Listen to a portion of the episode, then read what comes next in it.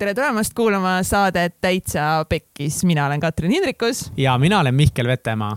ja meie Täitsa Pekkis saates me räägime erinevate ägedate inimestega nende eludest ja asjadest, mis lähevad pekki. Ja siis uurime, miks nad pekki läksid ja kuidas nad pekki läksid ja siis kuidas sellest kõigest võitjana välja tulla. Ja meie tänases saates on külas selline äge härrasmees nagu Maarjo Matvei. Uh kolmekümne nelja, kolmekümne nelja aastane härrasmees mm. ma ei tea, miks ma seda ütlesin niimoodi imelikult. igatahes eh, Maarjo on pärit eh, Valgamaalt ja ta lõpetas Valga Kutseõppekeskuse. pärast seda läks Maarjo kaitseväkke, kus äh, arvati, et kui tal tervisega jamasid oli, et see on mingi, et ta on simulant või. tegelikult kaitsevägi vahepeal ikka ei tea, kui inimestele on vaja puhkust anda aga oma palgakarjääri alustas ta kodutehnika poest ekspert ja seal ta sai kiiresti aru, et see valdkond ei ole talle mm. -mm -mm. Mm -mm. Nope. aga kuna Maarjo isa äh, on rekkamees ja väiksena võttis kogu aeg Maarjot kaasa, siis Maarjol tekkis juba noorena armastus suurte masinate vastu ja nendega mööda maailma uh. ringi trällamisest. kas see on, kas see on sõna või? trällama trallamisest. trällas. mõtlesin nagu... välja selle praegu. jaas me saame teha oma täitsa pekkis sõnastikku varsti, kus sõnad nagu trällama. ja, ja see viiski teda selleni, et ta töötas viis aastat Tallinnas autojuhina ning pärast seda läks ta korraks kümneks aastaks Soome rekkajuhiks täitma siis oma seda unistust ning seal ta sõitis nii suurte rekkadega, millega Eestis ei anna üldse sõitagi. Need olid nii suured pirakad aga sellel ajal oli Mario peamiseks fookuseks ainult raha tegemine ja väga suure raha tegemine, raha teenimine raha teenimine. et saavutada finantsvabadust. täpselt kuid eh, suure tööga ülekoormamise tõttu purunes tema suhe oma kihlatuga ning. Eh, ning see viis ta väga sügavasse musta auku enesetapumõtted ja kõik siuksed toredad asjad, depressioon ja kõik, mis sealt nagu tuli, et, et see oli nagu põhi ja siis äh, Mario, tema maailm varises. varises kokku. ning ühel siis... hetkel ta mõtles, et ta sõidab autoga vastu seina ning oli juba kiire hooga maanteel rallitamas. jah aga sellel hetkel äh, Maarja õnneks äh, seda ei teinud ja ta sai aru, et nüüd tuleb midagi oma elus äh, muuta. Ja ta hakkaski tegelema siis enesearenguga, hakkas kuulama podcast'e, raamatuid lugema, õigete inimestega suhtlema. Ja mulle nii meeldis, kui Maarja ütles seda, et kui ta vaatab nüüd tagasi selle inimesena, kes ta oli kaks aastat tagasi ja kes ta on täna, siis need inimesed on täiesti täiesti erinevad inimesed, et kõik on, kõik on võimalik oma unistusi püüdma hakata ja Maarja otsustaski siis hakata enda unistusi päriselt äh, täitma ja, ja püüdma. ja ta võttis aja maha, läks reisima, avastas maailma, avastas iseennast ja kõige selle käigus õppis ennast armastama ning täna tahabki aidata ka teistel inimestel leida just seda sisemist armastust siit ülesse. jah yeah.? jah yeah jah, väga põnev episood oli, rääkisime reisidest, äh, reisi, reisi story dest mis, äh, mis Maarjal juhtus, et viimased äh, siis kolm kuud veetis ta Lõuna-Ameerikas ringi seigeldes ja ennast avastades. aa, nii ja siis äh, follow ge meid kindlasti ka Instagramis. kindlalt. jaa, Boom ja yeah. ka Facebookis võite meile like'i vajutada mm. -hmm. näiteks, miks on oluline meid Instagramis follow da, on see äh, hästi kiirelt, sest võib-olla te ostate live show pileti tahate hullult sinna tulla ja siis, kui me saadame teie pileti ostetud emailile tagasiside küsitluse, siis te avastate, et kurat, te unustasite kohale tulla. aga True kui te, kui te meid follow ksite Instagramis, siis iga päev näeksite, kuidas me ette valmistume. jaa nii et äh, minge meid äh, follow ma, vaadake, mis pulli me seal teeme. head kuulamist. tšau tere tulemast stuudiosse, Maarjo! tšau! tšau see oli nii ka kahtlev tšau. ei, ma mõtlesin, et kaugel ma nagu olema pean sellest, et. ma arvan, et ära, ära üle mõtle selle peale, et kui sind kuulda pole, siis Egert tuleb ja teeb aita, aita, aita. aga see on sellest. juba tuleb juba tuleb, juba vaatab, et nüüd midagi kahtlast teeme. nii tore. aga mul Kõik on kirjad. Eh, nii hea meel, et Maarjo meil täna stuudios on ja mis eh, on selle story juures kõige veidram kõige lahedam, ma ei tea isegi, kuidas seda sõnastada, on nagu see, et eh, et ma tean tegelikult Maarjut juba nagu päris pikki aastaid, siis me oleme ühes seltskonnas olnud, aga samas ma nagu ei tea üldse Maarjat mis on väga veider. ja siis äh, on see, et meie, meie mõlema eksid on nüüd koos omavahel olid olid, ei ole enam vä? Ma ei tea üldse viimase aja gossip'it nagu. kurat, sa oled ikka nii ajast maha jäänud ma olen ikka. täiega ajast maha jäänud jah. kurat, siis see pole üldse hea story algus. Mihkel, võta üle ruttu, ma keeran siin asja jumala peenti. ja kohutav, lase katsil midagi alustada. et tegelikult jumala hea point oli, aga noh, olid, olid, eksid, elu läheb edasi. oled närvis ka? mina või? jah, ei ole. tahaks nagu surra pigem. ma ei saanud praegu aru su naljast. ära taha surra. Jumala tore on kõik ju tore, ilus, ilus elu. ja igatahes eh, meil on täiega hea meel, et sa meile saatesse tulid ja, ja, Mario, kohe teen siin iseendale promo. Mario on meie jumala äge fänn ka veel pealekauba. ta kuulab meie ma olen teie saateid ja kõige suurem fänn.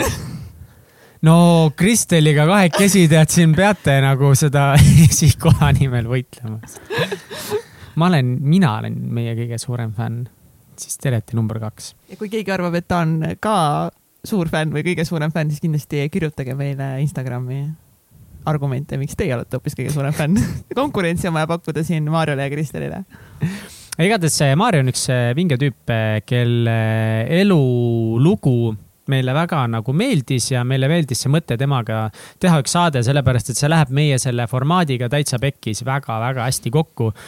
Sul on elus päris asju, päris asju, mis asja? no näed, vaata, Maarja, sa mõretsesid, et sina, mõretsesid, et sina hakkad rääkima valesti.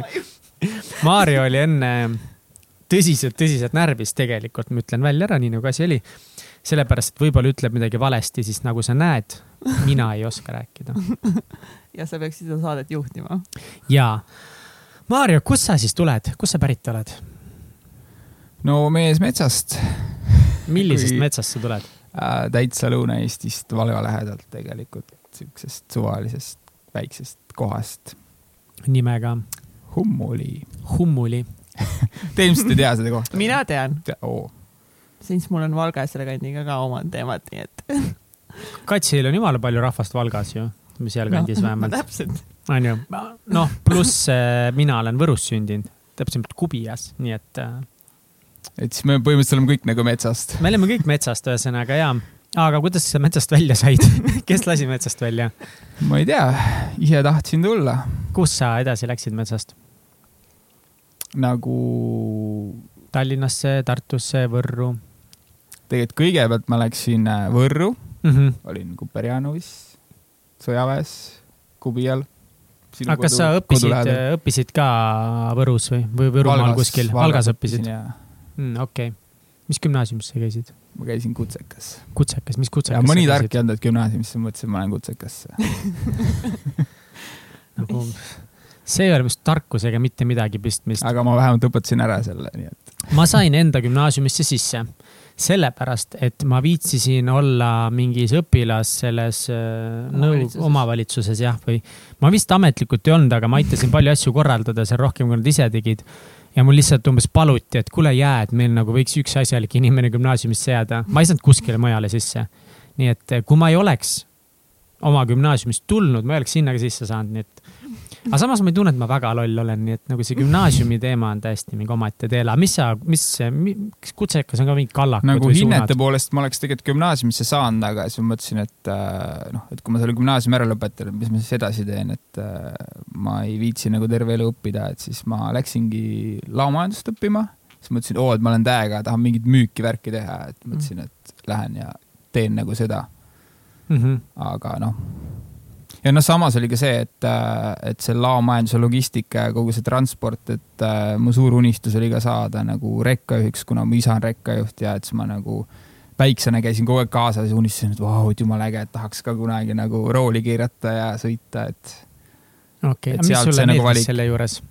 mille juures. mis sulle meeldis väiksena, kui sa vaatasid oma isa suure rekkaga, ma ei tea, hoovi sisse sõitmas äkki või mis sulle kõige rohkem nagu meeldis selle juures? No see, et see on nii äge suur auto ja et noh, ma käisin nagu päris palju kaasas, sest ta käiski Valgast nagu Tallinna vahet, et siis ma ikka käisin nagu kaasas sõitmas, et see oli nagu nii äge tundus, et äh, ja noh, ma teadsin, et minust saab kunagi rekkajuht. ülikool, sest äh, see ongi nii naljakas, sest ma arvan, et päris paljudele väikestele poistele meeldivad suured autod ja autod ja rekkad. ja ma ühe korra lapsena sattusin ka mingisuguse Vene mingisugusesse veoauto nagu sinna kabiini ja lihtsalt noh, täiesti mingi suvaline hetk, suvaline päev, suvaliselt sõitsin mingi viis minti mingis, aga ma mäletan kõike seda nii hullult hästi, sest see oli nii võimas, lihtsalt ma olin nii kõrgel ja et see oli lahe nagu, nii et sa võtsid siis nagu eesmärgiks, sina tahad ka rekkajuhiks saada. jaa, noh, ma juba väiksena, kui isal oli auto kodus, siis ma ka kogu aeg ikka küsisin, et kas ma võin autosse mängima minna ja siis ma nagu hüppasin ja mängisin seal, et nagu ma sõidaks, et võtmeid kaasa ei andnud? ei, võtmeid ei saanud kahjuks. kurja ei vedanud, noh. oota ja siis äh, lõpetasid ära kutsekooli Valgas ja mis siis edasi sai? no oligi peale sõjaväge, siis mõtlesin, et okei okay,, et ma lähen nagu müügi peale, see mõtlesin, et oh jumala äge, et tahaks mingi müügimees olla. Läksin äh, elektroonikapoodi müüjaks, pidasin mingi peaaegu aasta aega vastu ja siis mõtlesin, et ei siis sa. juba tulid Tallinnasse. ja, no ma olingi Viljandis Mm. olin nagu tegin seda müüki ja siis mõtlesin, et ei, et üheksast viieni nagu poes istuda lihtsalt, et see ei ole mulle, et äh, tahaks midagi ägedamat. aga ma korraks hästi natukese tahaks veel ikkagi peatuda just selle kooliteel ka, et see on nagu minu arust alati hästi huvitav. sellepärast, et justkui see gü- gümnaasiumite kutsekate aeg peaks nagu meie elus nagu kuidagi väga ära defineerima või noh, tänapäeval see on järjest rohkem muutub, muutub, aga vanasti see oli ikkagi noh, umbes, et mis sa gümnaasiumis teed, sealt sa edasi lähed ja see panebki elu paika, eks ole. aga et kutsekas, üldiselt sa ütlesid meile, et sul kutsekas väga ei meeldinud ja see laomajandus Ei. sulle ka väga ei meeldinud või? No laamandus ei ole ainuke selline, noh, mul oligi valikud seal, et kokaks, diisleriks või laomajandajaks või müüjaks onju, siis mõtlesin, et noh, et see on nagu enam-vähem sihuke normaalne amet, et mida nagu õppida. aga kus see rekkajuhi soov siis nagu, et miks sa siis juba kohe ei läinud kuskile lubasid tegema või rekka peale? no ma ei tea, mis aasta sealt minnakse gümnaasiumisse, mingi kuusteist või, sest Mina kui ma isegi sõjaväes sain nagu rekkaload, et siis ma sain Aa. nagu piiranguga load, et ma ei saanud nagu tsiviilis veel sõita, et, et see vanus on ka ju mingi kakskümmend üks saab teha alles rekkat. ah, päriselt või? mitte kaheksateist? ei. aa, okei okay,, selge, palun vabandust. tea, siis oli vähemalt. loll küsimus. Lähme edasi. nii, kuidas, kuidas sa sattusid müügi, müügitöö peale, et kust see mõte tuli, sa õppisid tegelikult laotehnikat? Laomajandust see ongi kõik põhimõtteliselt logistika, transport, müük, no see ongi põhimõtteliselt kõik need alused, et äh, sealt edasi võid valida põhimõtteliselt ükskõik kuhu Mm. mm. tahad nagu. mm. -hmm. ja miks just Viljandi siis? ma ei tea, sest mul oli see, et äh, ma ei tahtnud Tallinnasse kolida. mõtlesin, et ma ei koli mitte kunagi Tallinnasse kus sa praegu elad? äh,. Tagasi Eestis, aga elasin Soomes. aga kus sa praegu nagu, kus, kas, kus sa täna ööbid? täna ööbin Tallinnas. Mida ma tahtsin öelda? et ära kunagi ütle kunagi, onju. just. ei, see on tüüpiline lõunaeestlaste see värk, et nad väga ei taha kunagi Tallinnasse kolida ja Tallinnasse elama tulla, ma ei tea, mingi teema on sellega. siis, kui tulevad Tallinnasse, mingi oh my god, siin on nii tore. mulle meeldib seda nalja teha, et äh, parimad Aa, tallinlased jaa. on kõik Lõuna-Eestist pärit Mm. põhine oli Mihkel. töö. nii unikaalne. niimoodi, okei okay,, aga lähme edasi. said aru, et äh, aga kuidas sulle müügitöö muidu meeldis nagu välja jätta nagu see osa, et see oli üheksast viieni ja töötad kellegi teise jaoks, aga kuidas see müük iseenesest oli? algul oli äge, aga noh, võib-olla ma olin nagu vales kohas ka, et kui sa poes peadki ootama mingeid inimesi ja siis hakkama neile nagu mingeid asju pähe määrima, onju, et noh, võib-olla see ei olnud nagu see kõige parem väljund selle jaoks nagu, et mm,. müük on raske, sitaks, ma nii palju müüki teinud mm. ja ma ei tunne, et ma oleks kunagi seda nagu tegelikult hästi teinud. see on, see motiveerimine, seal on, sa ei saa lihtsalt minna tööle ja teha ära, sa pead nagu minema tööle, siis sa pead nagu mingisuguse attitude'i minu meelest paika panema ja, ja siis mingi kõik jutud. just, just, just. nii et müügitöö ka ei olnud sulle, mis sa siis mõtlesid, kui sa nagu, kui sa natukese tuletad meelde, proovi nagu natukese lahti mõtestada, et mida, mida sa tundsid oma peas või oma mõtetes, et, et kui see müügitöö sulle nagu ei istunud, et, et mis siis nagu edasi saab? no siis oligi see, et siis ma mõtlesingi, et ma tahan nagu autojuhiks minna. ja paningi, ma ei mäleta, kas CV keskusesse või kuhugi panin kuulutuse üles ja siis minuga võeti ühendust Tallinnast, kutsuti vestlusele. saime kuskil Paides kokku, sobis, ütlesin okei okay,, kuu aja pärast olen seal või siin Tallinnas. ja nii läks.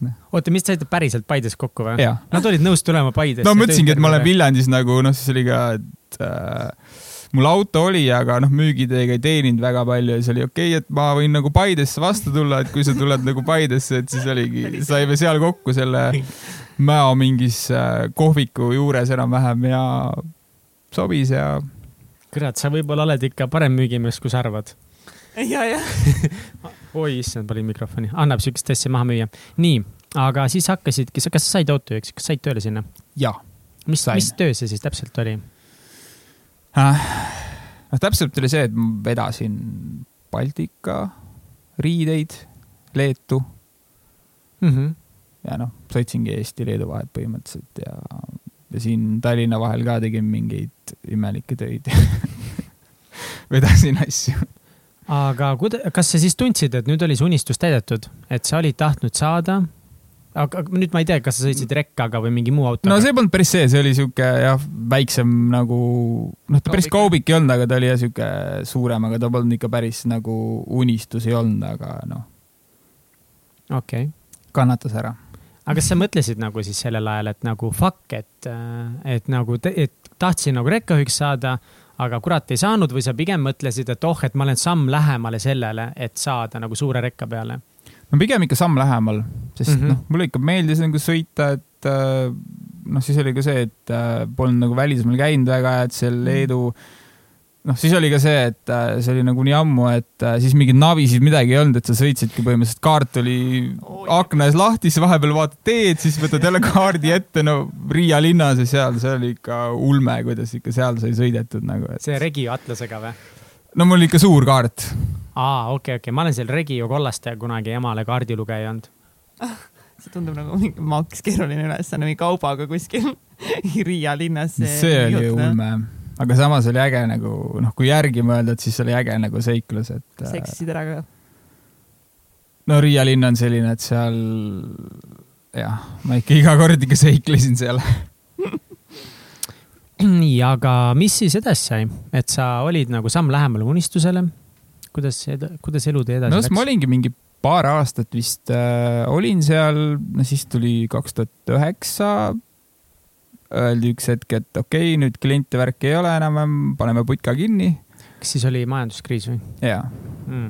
no siis oligi, mul sõber oli Soomes, ütles, et oh, et tule nagu sinna, et saad nagu tööd, onju.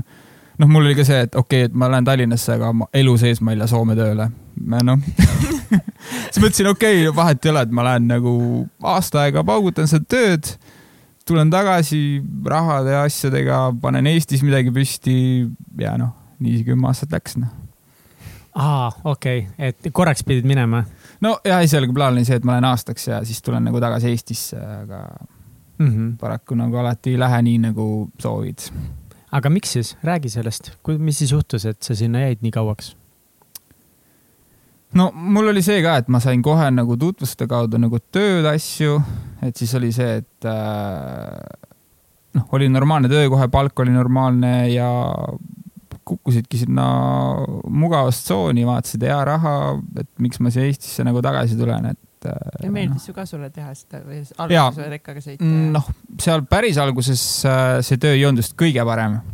aga ma sain nagu päris kiiresti, ma sain nagu, arenesin seal ja ja sain nagu päris suure rekka peale, et need on ikka siuksed kahekümne viie meetrised, mida Eestis ei ole nagu, et, et sellega mulle siiamaani tegelikult täiega nagu meeldib sõita nendega, et ülilahe, tunduvad mega jõhkrad. kus sa sõitsid nendega, kas Euroopas või ainult Soomes või äh,? ainult Soomes, no viimasel ajal enne nagu töö lõpetamist ma sõitsin Soome Norra vahet, mis oli ka iga kord nagu väga äge, et lihtsalt ma sõitsin äh, läbi Lapimaa, siis ongi see, et sõidad nagu öösel ka ja siis vaatad nagu neid virmalisi ja mingeid põhjavõtresid ja noh, see tundub nagu, et vau, et sa oled kogu aeg reisil ja saad nagu raha selle eest nagu noh ülilahe. kuule, kui sa oled selle palju tol ajal siis Soomes eh, rekka juhtimisega teenis?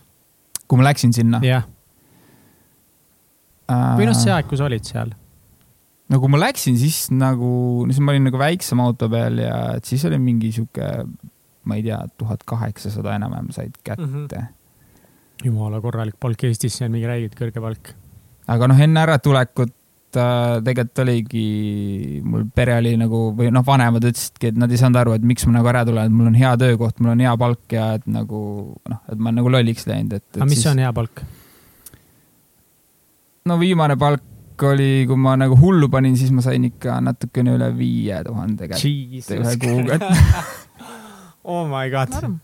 aga kui palju sa pidid lahe. nagu panema, panustama oma aega ja kõike seda, et seda viit. aga no siis ma panin ikka kuus päeva nädalas tööd ka, et kui ma nagu normaalselt tegin seal, siis ma olingi nädal aega tööl, nädal aega kodus, et noh, siis ma põhimõtteliselt rohkem puhkasin, kui tööd tegin, et. aga kui pikad need äh,, alati nagu huvitav on need rekkasõidud, et kui, kui pikalt sa nagu sõidad ja kui pikalt sa nagu puhkad ja kuidas sa nagu, et nagu lihtsalt sõidad kogu aeg järjest ja sa ei jää magama?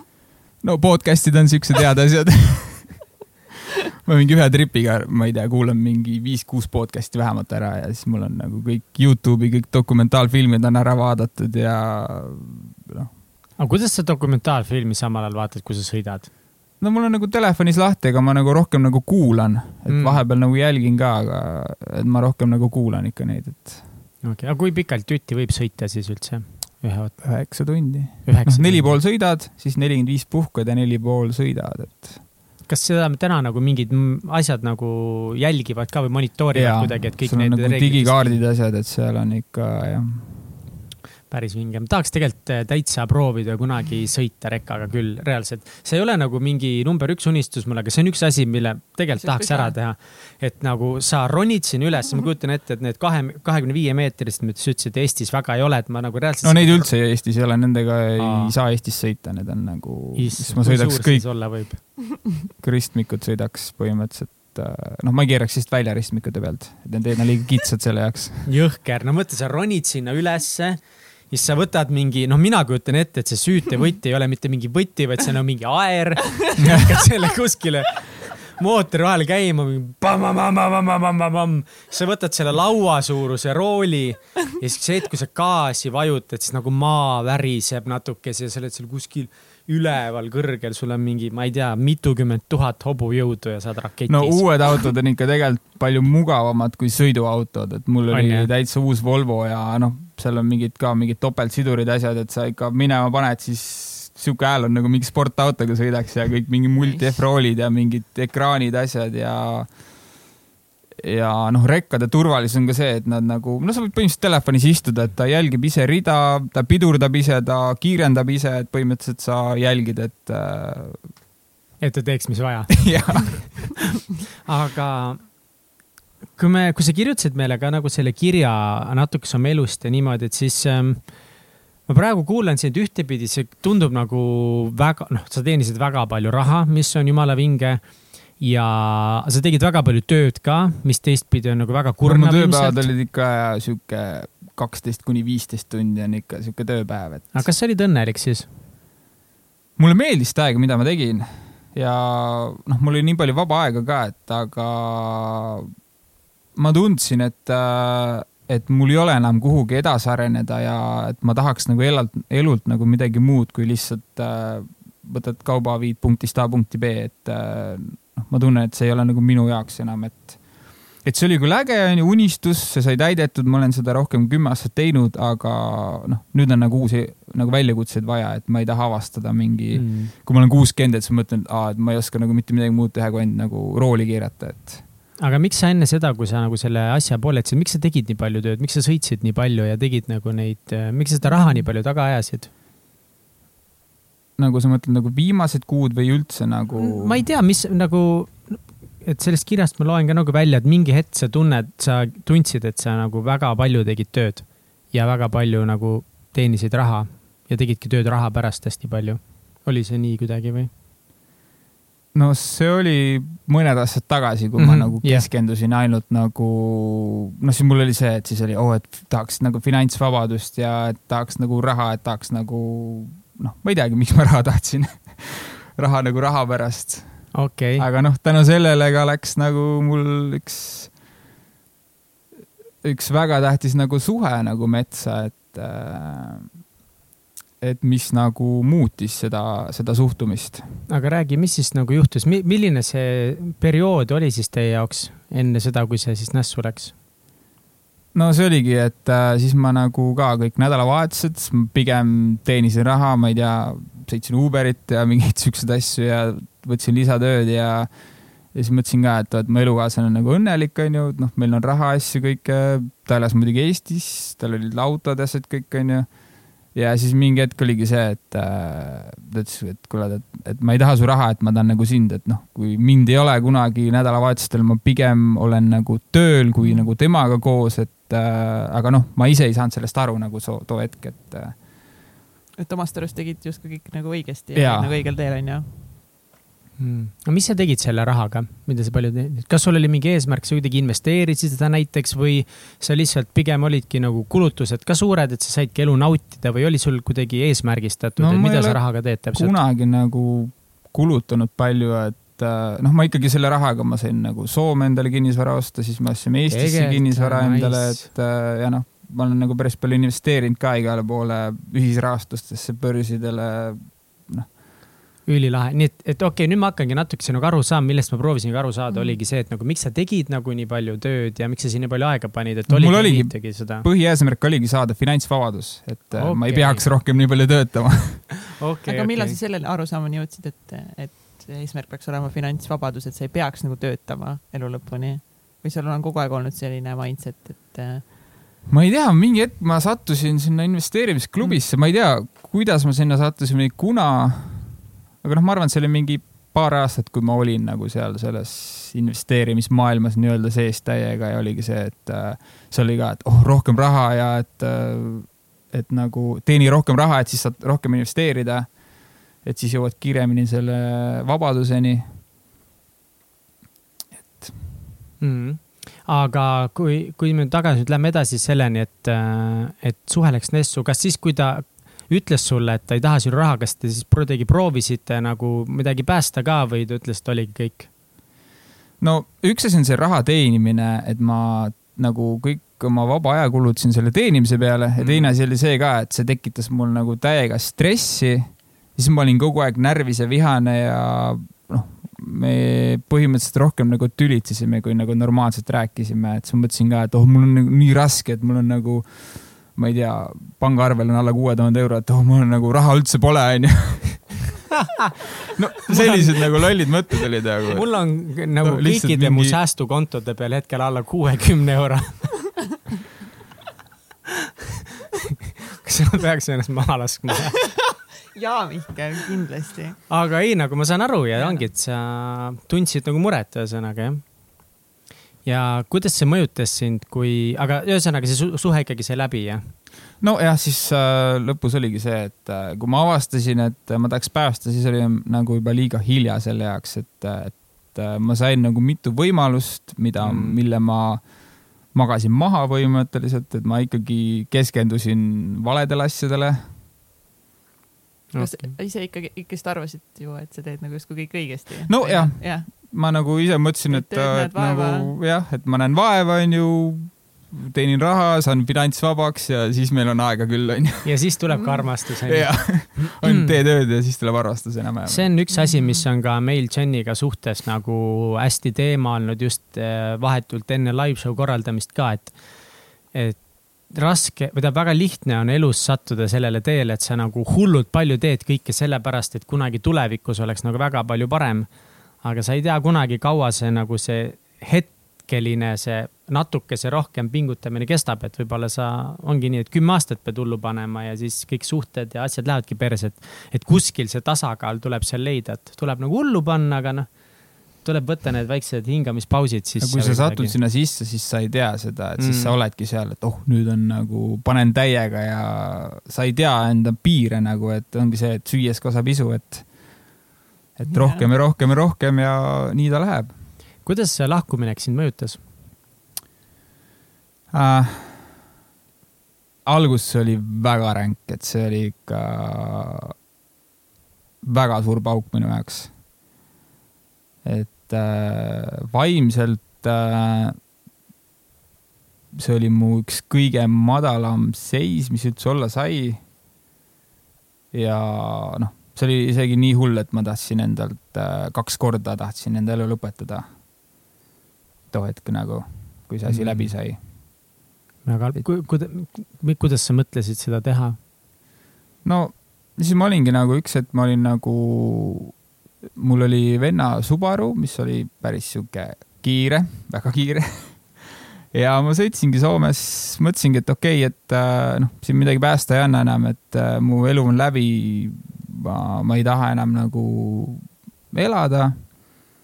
ja mul oligi, ma sõitsingi Soomes lahti kiirteel kuskil noh, üle kahesaja kilomeetri kindlasti oli sees seal ja noh, ilma turvavööta mõtlesin, okei okay,, et et järgmine sild enam-vähem või kuskil, et ma lihtsalt lõpetan ära selle hmm.. aga noh, samas ma ei tea, kas see, et mis mind päästis, aga siis ma hakkasin nagu mõtlema nagu vanemate peale, ma hakkasin nagu ema peale mõtlema ja ja siis ma jäin sinna tee äärde seisma ja mõtlesin, et et noh, et ema ei ole mind nagu selle jaoks nagu üles kasvatanud ja sünnitanud, et, et ma lihtsalt enda nagu elu niimoodi ära lõpetaks sellise lolli asja pärast, et et siis ma mõtlesin ka, et okei okay,, et ma muudan ennast täielikult hmm.. mis siis, mis siis sai? no siis ma hakkasingi põhimõtteliselt äh, ma päris ei mäleta nagu, mis ma nagu mm -hmm. siis kohe järgmiseks tegin, aga, aga nagu.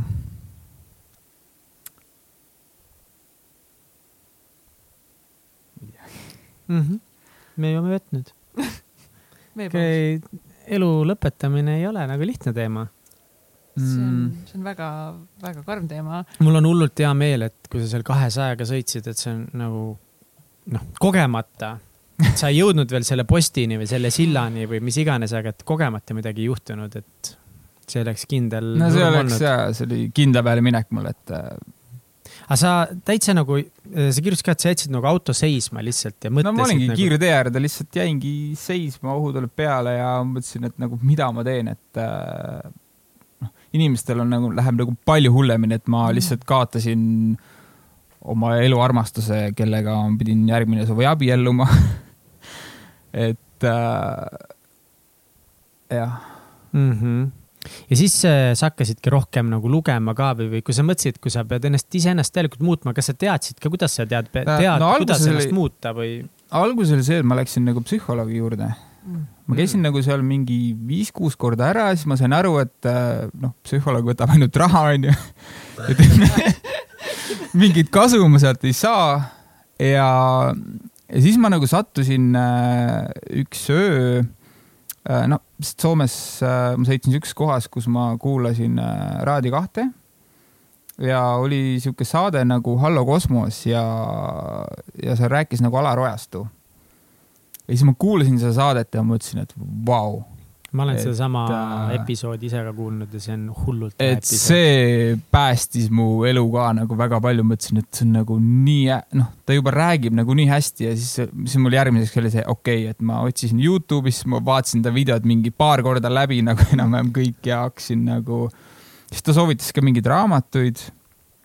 hakkasin neid raamatuid lugema, teadlikult loobusin telekast äh, ja noh, sealt mu nagu see tee algaski. Oh,. Nice, ülikõva, ülikõva, väga lahe, niimoodi. Ja siis sa hakkasid äh, oma hirmudele teadlikult vastu seisma, on järgmine asi, mis sa veel tegid, eks ole. aga kust see mõte tuli, kus sa, miks sa arvasid, et sa pead oma hirmudele üldse vastu seisma? hirmud on vastikud asjad, ma ei mm. taha nagu tegeleda oma hirmudega, need on palju parem panna ära kuskile padja alla. No mul oligi see eesmärk, et ma tahan elu täielikult muuta ja mul oli päris palju hirme ja mõtlesingi, et okei okay,, et ma alustangi nendest, et ma saan oma hirmudest lahti ja noh, siis äkki on elu kunagi ilus ka. mis su mõned hirmud olid või siiamaani on äh,? no üks mu suurimaid hirme oli ja on siiamaani on kõrgusekartus. ja samas ma kartsin ka, ma ei olnud üldse nagu sotsiaalne inimene, et ma kartsin võõraste inimestega rääkimist et äh, ma pigem surin, kui ma pidin mingi uue inimesega rääkima, et noh, sihuke tüüpiline eestlane maalt tulnud ja inimesi näinud ei ole varem, et Soome tundub ka mulle suht mingi tühermaa lihtsalt. no ja, ega soomlased on samasugused. Mhm, okei, aga mm, kuidas sa hirmudele vastu seisid? mida sa tegid, et neid äh, võita? kõigepealt oli äh, ma tahtsin oma kõrguse kartusest lahti saada ja mõtlesin, et kõige parem seda teha on minna teha langevarjuhüpe.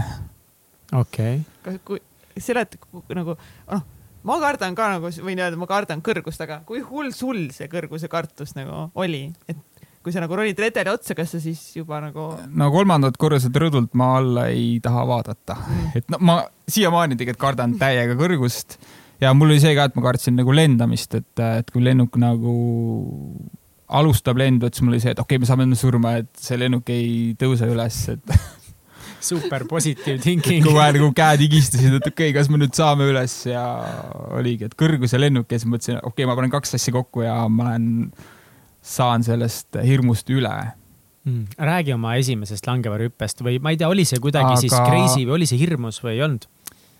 see oli väga hirmus ja ma mõtlesin ka seda, et, et ma, ma ei taha teha nagu tandemit, sest noh, tandemiga sa oled kaasreisija, sa pannakse sind kinni seal, sa istud mingi venna sülle ja sinuga hüpatakse välja ja ongi kõik. siis mõtlesin, okei okay,. mis juba tundub päris nagu noh, korralik, arvestades, et sa kardad kõrgust nagu aga sa ei saa midagi teha seal, sa oled lihtsalt seal väga hea süles onju. väga hea. et siis ma mõtlesingi, et ma teen nagu koolituse läbi ja lähen hüppan üksi ise välja. ja noh, oligi, ma läksin, tegin Tallinnas koolituse ära, läksin lennuväljale. siis ma mõtlesin, et, et ma olen nagu täitsa idioot, et mida ma teen. aga siis mõtlesin, okei okay,, mul on koolitus tehtud, ma olen siin lennuväljal. noh, et äh, eks ma lähen siis sinna lennukisse ka. -hmm. Läksin see esimene kord oli see, et uh, kui mind nagu uksele kutsuti, sealt on mul põhimõtteliselt must maa, et ma ei mäleta mitte midagi hüppasid välja kuidagi ja. aju lülitas välja ennast. ongi nagu ja siis ma nagu noh, sain kuidagi maanduda ka ja siis mõtlesin, et, et ma ei mäleta nagu mitte midagi, et ma ei taha nagu sellist kogemust. ja siis mõtlesin, okei okay,, kas ma saan veel hüpata ja, ja kokkuvõttes oli see, et ma hüppasin sel esimesel päeval kolm korda siis äh, panime saunas seal äh, piloodiga viina öö aega ja järgmine päev hüppasin neli korda veel, et esimene nädalavahetus mingi seitse korda ja järgmine nädalavahetus hüppasin kuus korda veel otsa. ja ma siiamaani kardan täiega kõrgust üldse ei läinud väiksemaks või? ei. ja iga, iga kord, kui ma oli nagu, sama hull nagu? no päris nii hull ei olnudki esimene kord, aga ikkagi, kui ma sinna uksele pean minema, siis on see, et ei, ma ei hüppa siit välja, siis mõtlesin, okei okay,, ma lähen uksele ja siis on see, et äh, ma tahaks nagu surra ja siis hüppad välja Vau. uh. uh. nii palju järjest hüpata ma ei kujuta ette nagu, see üks juba tundub nagu aga see sattus, see nagu tekitas nagu sõltuvust ja siis mõtlesin ka, et okei okay,, et must saab nüüd profi langevarjur ja noh, kolmteist korda ongi mu nagu ma olen kolmteist korda hüpanud praegu, et rohkem ma ei ole julgenud, et eelmine suvi ma tahtsin ka minna, aga ma ei julgenud minna enam. aga päris huvitav, et sa nagu siis tegid ikkagi need nii palju kordusi ära, aga nüüd sa enam ei julge pärast minna. okei okay., ja mida sa veel tegid, kas oli veel midagi, mida sa tegid no, teiste hirmude ületamiseks? nagu see, et ma kartsin teiste inimestega suhtlemist ja mõtlesin, et, et sellest ma pean kindlasti nagu lahti saama, et ja mõtlesin, et kõige parem selle jaoks on see, kui ma lähen üksi reisima. Mm. ja siis oligi, ma läksingi kaheks kuuks Aasiasse täitsa üksi pellakotiga ja siis noh, seal on kaks varianti, et kas sa oledki täitsa üksi või sa hakkad inimestega suhtlema. ja siis mõtlesin, no mida mul karta, et äh, kui inimesed ei taha minuga suhelda, siis, siis ei taha, et noh, siis pole midagi teha, et siis ma reisin üksi edasi, onju ja siis ma olin ka seal hostelites ja, ja lõppkokkuvõttes oli see, et äh, ma sain sealt nii palju ägedaid tuttavaid ja inimesed nagu reaalselt nagu tahavad minuga suhelda mm., et ei olegi niimoodi, et, äh, et kui ma lähen suhtlema ja inimesed ei, et ma ei meeldi inimestele midagi. ja noh, mul oligi te, reaalne selline nagu mõtlemine, et inimesed ei taha minuga suhelda, et, et ma ei meeldi inimestele. mul on no. kusjuures siia nagu siiamaani see väga-väga suur sarnane nagu hirm inimestega suhtlemises ja see, et ma ei meeldi inimestele. Aga noh, siis ma veel ei meeldinud nagu üldse endale, et siis ma nagu põhimõtteliselt vihkasin ka ennast veel, et äh, ja, ja kokkuvõttes oli see, et mulle nagu täiega, praegu mulle nagu täiega meeldib uute inimestega suhelda.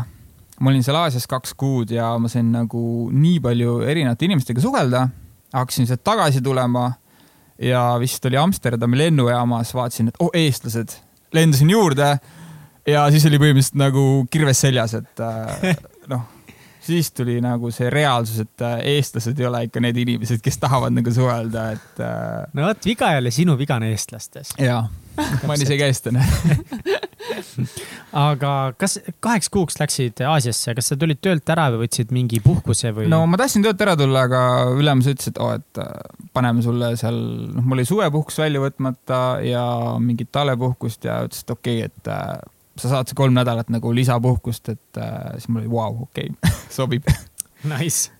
aga sa ütlesid, et kui sa seal Aasias olid, et sa ei meeldinud iseendale üldse ja no selles suhtes, et ma mõtlesin ja et, et ma, et ma ei meeldi teistele inimestele, sest ma ei meeldinud endale.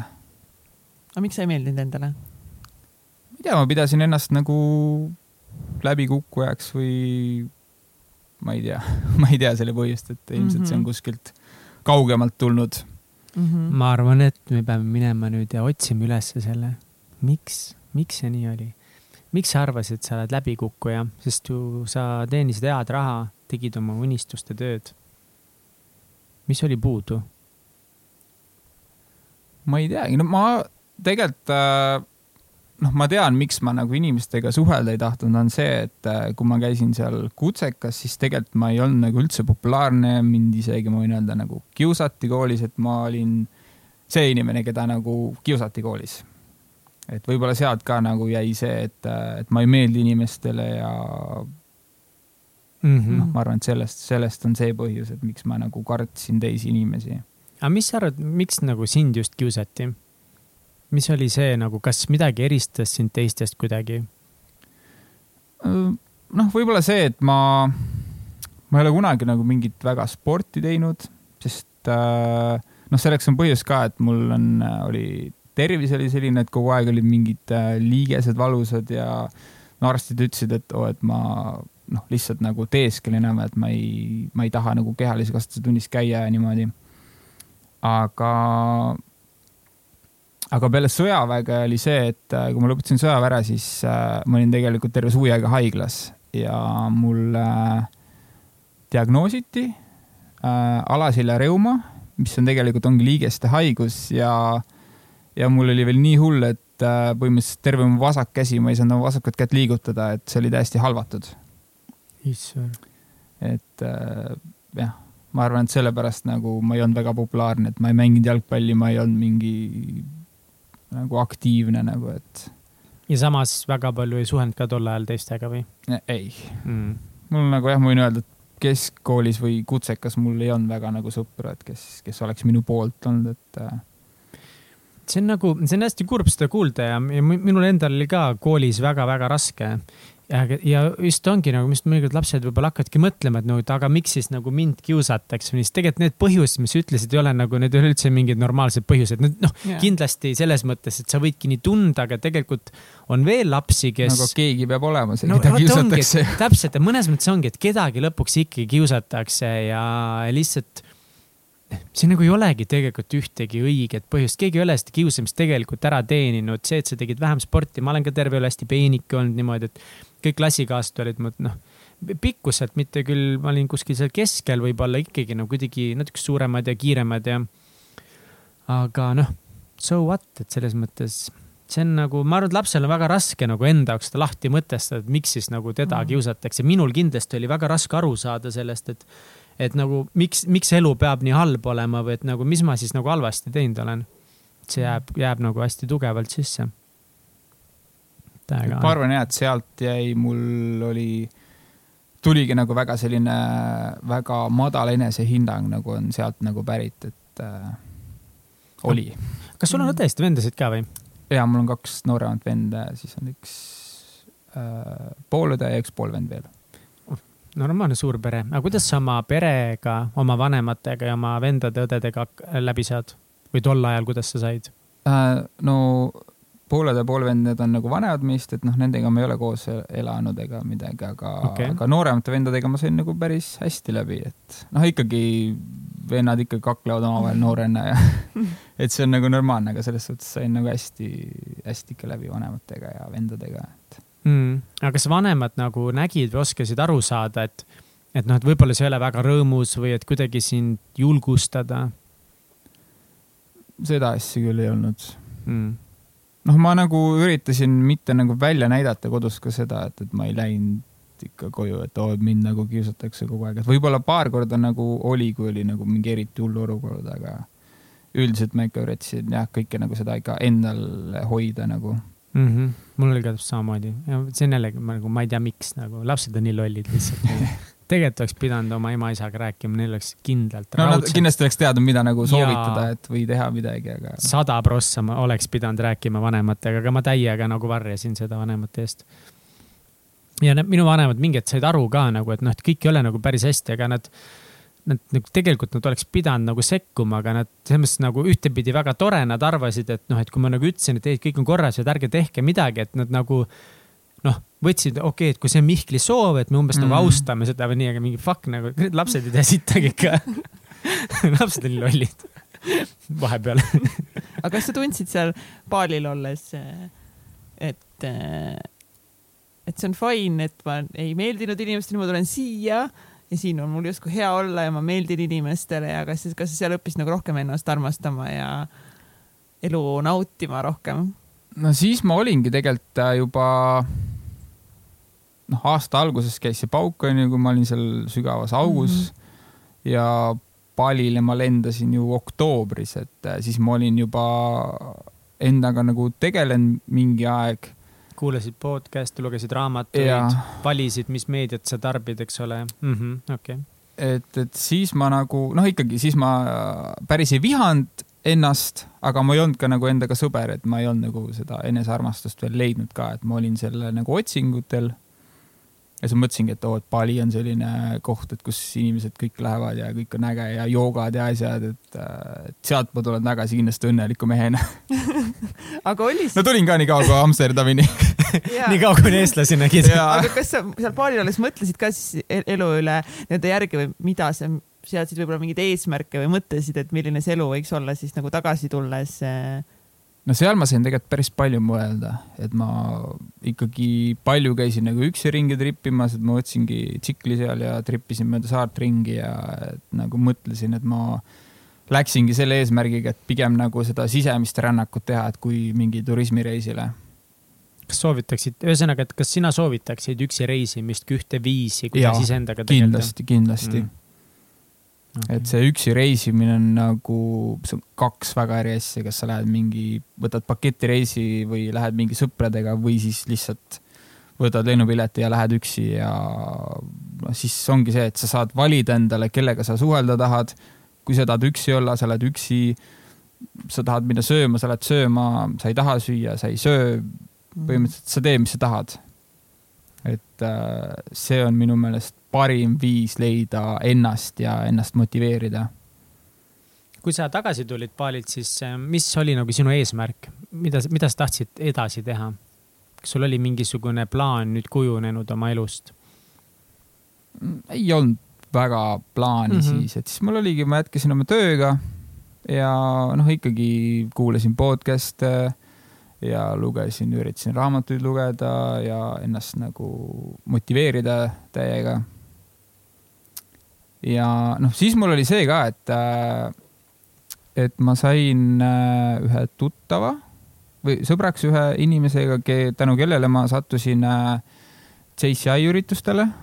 et seal on ka nagu väga ägedad inimesed ja siis ma hakkasin endale teadlikult enda sõpru nagu valima.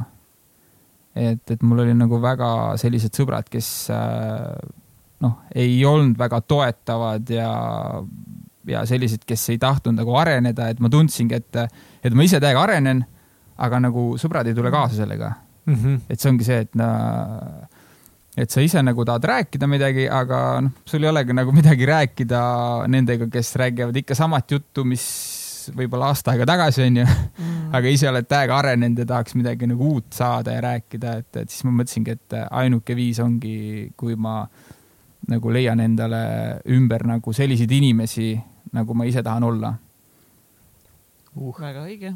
ma arvan, et sinu esimene tsitaat sai just praegu siin universumisse kirja pandud. okei okay., aga räägi seda Audi A8 lugu, see oli nii vahva. aa, no see oli ka jah, siis kui ma põhimõtteliselt tulin tagasi sealt ja noh, ma olingi, ma oktoobris läksin, oktoober, november, detsembri alguses olin tagasi, nagu elu oli äge. Noh, raha oli ka siis ikka veel natukene ja siis ma mõtlesin sünnipäevaks, et, et ma tahaks nagu enda ego tõsta kuidagi ja ma ostsin sünnipäevaks endale Audi A8 noh, mis on nagu kõige uuem, on ju, ta oli kaks tuhat üheksa aasta mingi, ta oli ikkagi alla kümne aasta vana, et sihuke. päris stiilne mingi ka ikka noh, siuksed ägedad väljad ja mingid korralikud kõlarid, mis hüppavad kuskilt armatuuri seest välja nagu noh. siis mõtlesin, et vau, et ma olen nagu nii äge vend, et nüüd hakkab nagu naisi värke tulema täiega nii. et kuskil on see naistemagnet ka sinna kapoti alla pandud. ja kuidas tuli? siis läks siis jah, kas tuli siis? no noh, mõni tuli, aga need olid sellised noh, keda ma ei oleks nagu tahtnud võib-olla, et siuksed nagu gold digger'id, no mitte päris gold digger'id, gold digger'id võib-olla tulevad mingi Ferrari peale enam-vähem, aga noh, nende moodi enam-vähem ja mm, -hmm. ja sellega oli ka see, et nädala pärast mõtlesin nagu, et milleks mulle seda vaja, et see võtab nagu nii palju kütet, mingi esimese mingi nädalaga läks mingi käsipiduri-mootor läbi, mis maksis ka terve pool auto raha enam-vähem onju mõtlesin, et see võtab mm -hmm. nagu nii palju raha mult ära, et äh, noh, milleks nagu seda vaja oli ja siis ma müüsin ta lihtsalt väga korraliku kahjumiga maha päris pask investeering. ja see oli nagu korralik investeering aga see on, äh, aga see on nagu, see on okei okay., see on väga okei okay ja meeste jaoks ma tean, noh, ma ise, mul pole kunagi autot olnud ja ma võiks juba täna oma elus, no ma saaks enam-vähem välja punnitada, mingi auto liisida, ma nii hullult vahepeal tahan seda mm aga see ongi see, et tegelikult seda ei ole vaja, aga see on see, noh, see osa selle tänapäeva mehe mm. egost nagu on nii tugevalt ja. seotud nende autodega. noh et..., ongi eestlastel ongi see ju, et äh, sa elad kuskil saunas, aga sul peab olema maja ees mingi, ma ei tea, viiskümmend tuhat euri maksev bemm on ju, et noh. see on nii sihuke eest- või sihuke naabrist parem nagu teema, et see siin isegi selles kirjas, sa kirjutasidki nii ägedasti, et eh, ostsid selle A8, et nüüd on äge nais hakkab tulema, aga kurat, naised isegi ei teadnud, mis mudeliga on ja. tegu ja kedagi ei huvitanud. ei, ma läksingi ühe tšikiga nagu välja, onju, ja siis ma mõtlesin ka, ma lendan A8-ga ette ja siis ta küsis, et sul on Audi. ja, ja, noh, see on Audi A8. aa, okei okay,, noh, äge tore, tore. mis mõttes, et sa ei tea nagu A8-t nagu, et see on kõige ägedam Audi üldse, onju see on hästi sarnane David Mikomäe loole, kes meil ja. ülilahedasti rääkis live-show'l ka, kes siis, kui kellele selline natuke suurem raha esimest korda elus kätte tuli, väga noore mehena nagu tal oli samamoodi vaja ära täita see ja, ja ühtepidi nagu ma tunnengi, et väga paljud mehed teevad selle asja läbi ise nad saavad aru, et see ei olegi tegelikult see, mis toob elus õnne. sa tahad lihtsalt selle läbi teha. jaa, aga ma ei ole seda läbi teinud veel. aga samas samas enne seda auto ostu ma nagu vendadele ka räägin nagu, noh, mul üks vend nagu ostis Range Rover, ma ütlesin nagu milleks sul seda nagu autot vaja, et sa võid selle osta küll, noh, osta on nagu odav, onju. aga pea seda üleval ja siis kukkusin ise samasse auku, onju. kogu aeg räägin, et ärge ostke nagu vanu luksusautosid ja noh aga ongi see, et sa peadki selle nagu ise läbi tegema, et sa ei saagi nagu enne aru sellest, et mm.. ja, teised võivad ju jutuks hea küll rääkida. ja, et sa võid nagu targutada, nagu aga. mina tunnen ennast hästi ja mind see aitab, vaata kus sa Volkswageni bussi välja võlusid?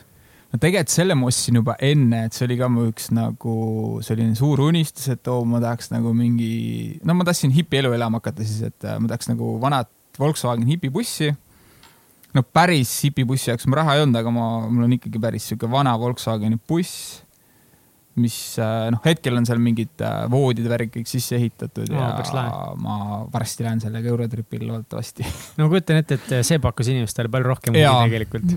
oligi, et kui ma selle Audi maha müüsin, siis noh, mul ei olnud autot, mul oli autot vaja, siis ma ajasin selle Volkswageni bussikuurist välja ja oligi, kui ma sõitsin Soome, siis laeva peal ka nagu need, kes nagu juhatavad, need ütlesid ka, näitasid nagu noh, näpuga, et vau wow,, et nagu nii äge auto ja siis mõtlesin, normaalne, et mul oli enne Audi ja nüüd te like ite mu vanat nagu bussi, onju. super, aga lähme edasi. Eh, et siis, eh, mis edasi sai sinu elus, et eh, sa said, said ühe õppetunni autode kohta ja ego kohta, onju, naiste kohta. tuleb välja, et naised ei vaatagi autosid nii palju, uskumatu. tegelikult ei ole, nagu kõik naised on mulle seda öelnud, ma ja siis ma nagu olen aru saanud, et ma ikkagi tahan seda autot ainult iseendale. super. jah, aga sinu, sinu elu, kuidas edasi läks?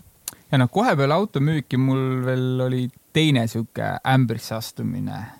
Et siis mul oligi see, et, äh, et mulle meeldis täiega uute inimestega suhelda, siis ma sain Soomes äh, tuttavaks ühe tüdrukuga, kes tundus nagu täiega nagu motiveeritud ja ja siis äh, me läksime välja, terve see kamp oli nagu vau wow,, ma ütlesin, oh, et selliseid sõpru ma endale tahan. aga noh, see oli tegelikult üks suur lõks. nii. et noh, ma ei taha päris mainida, et kus kohta ma nagu panin, aga jah, see oli üks sihuke skeem, kuhu ma kaotasin jälle siukse täpselt kümme tuhat eurot okei okay., aga sa alguses arvasidki, et lihtsalt, et see inimene selles mõttes, et, et mis sind nagu köitis selle inimese juures?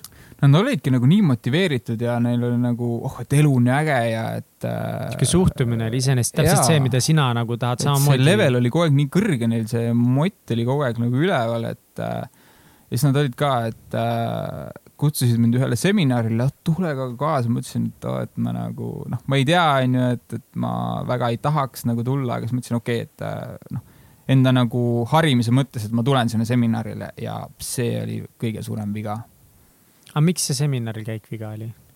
sest seal oligi, seal nagu tõsteti veel seda motivatsiooni, et sul mm -hmm. oli mhm. nii kõrgel see motivatsioon ja mm -hmm. oligi sama õhtu peale seda seminari ma selle raha sinna sisse panin ja pärast sellest rahast midagi head ei saanud, ühesõnaga. nojah. miljonäriks ei saanud? veel mitte millegi muuga kindlasti kunagi saad. aga, aga kuidas sulle, kas, kas see point nagu, et tegelikult nad lihtsalt tahtsidki sinuga koos nagu mingit äri ajada, mitte võib-olla siis lihtsalt sinuga nagu suhelda, kuidas nagu just see pool mõjus sulle, et nagu, et, et kui sina arvasid alguses, et see neiu pigem nagu ongi, tahabki rääkida edust ja kõigest sellest, siis kas see kuidagi mõjus sulle nagu negatiivselt ka või ainuke asi, mis sind kurvaks tegi, oligi lihtsalt rahakaotus? no tegelikult äh, ma arvan, et mulle oli seda kaotust vaja, sest mm. äh, kui ma sain aru, et, et see teema pole mulle, et see oli nagu lõks ja et noh, et kui keegi pakub mingit sellist äh, skeemi, et äh, mingit noh, ma võin öelda, et see on püramiidskeem mm. -hmm aga ongi see, et, et tasub nagu eemal hoida sellest asjast, et, äh, et kui keegi pakub sulle mingit tootlust, mis on nagu ulmeline, noh, ma ei uskunud seda, et seal räägiti, oo, et ma ei tea, mingid miljardid ja mingid siuksed numbrid olid, et noh, et ma nii loll ei ole, et ma sellist nagu uskusin, aga, aga ma uskusin, ma lootsin, et ma saan nagu natukenegi nagu sealt rahast tagasi mm. -hmm. aga kui ma nagu taipasin, et, et sealt ei tule nagu midagi ilmselt ja ja siis ma olin nagu natuke aega enda peale pahane, aga ma ei olnud pahane selle peale, et ma nagu selle raha kaotasin, vaid äh, selle peale, et ma olin nagu nii naiivne, et ma uskusin neid inimesi nagu niimoodi, et äh, ja siis ma sain aru ka, et vau et äh, raha polegi enam minu jaoks tähtis. et mhm. praegu mul on nagu täiesti ükskõik rahast. noh, mhm. raha on vaja, et elada, onju, aga, aga ma ei pea elama selleks, et raha teenida nagu, et mhm et elus on palju muudki, kui kõik ütlevad, et raha ei tee õnnelikuks, et aga sa, sa ei saa sellest enne aru, kui sa ei tee seda kõik ise läbi. jah, ma arvan küll kõigepealt on, on ikka vaja hästi, vaata hästi palju raha on vaja teenida kõigepealt, nagu hästi rikkaks on vaja saada ja siis on vaja aru saada, et raha ei tee õnnelikuks. ja siis, kui sa fail'id hästi... selles onju, siis saad aru, et kurat, et see ikka ei ole see õige asi onju aga ennem on vaja hästi palju raha teenida. ma tahan näha palju raha oma pangakontol ja no ja, kurat, ma ei tea, kas ma siis olen ikka õnnetu, no kõik räägivad seda juttu, aga ma ikka, ma pean ise ära sama, proovime ära, Mihkel, mis sa arvad nagu hästi, hästi, hästi palju nulli. hästi palju nulli. ei, aga mingi kui see tuleb lihtsalt. mitte niisama. mul on praegu hästi palju nulle ja ma ei, ei ole rõõmus. ikka numbrid ees ja siis nullid järgi niimoodi, erodobid ja siis vaatame. ei, kui see raha tuleb lihtsalt, siis see on nagu äge, aga kui sa pead selle nimel oma nagu elu nagu panustamagi kogu aeg, et seda raha nagu taga ajada. ja, ja tänu sellele mingid stressid ja mingid äh, muid asju kaotada, noh, siis minu jaoks see ei ole nagu normaalne, et mm., et prioriteedid peavad ikka paigas olema, et, et mis on nagu tähtsam. Ja nüüd sa olidki oma elus nagu selles kohas, kus sa said jälle kõrvetada sa samas said mingi õppetunni iseenda kohta, maailma kohta ja, ja sa vist siis hakkasidki tundma, et, et see rekkajuhi töö on ka sinu jaoks ammendunud. ja noh, see oligi põhimõtteliselt, et äh, see oli äge, onju. noh, nüüd on see, et kogu aeg on sama, sama tee, mida ma sõidan äh, noh, raha on, on nagu nähtud. hea, onju, jah põdrad on ka nagu nähtud ja siis ma hakkasingi ja mõtlema, et, äh, et noh, tahaks nagu täiesti muuta ennast, et ma olen selles mugavustsoonis. nagu hea on olla, onju, aga, aga samas oli see ka, et, et ma nagu tundsin, et ma olen nagu nii palju arenenud, et nüüd on aeg täiesti nagu edasi liikuda.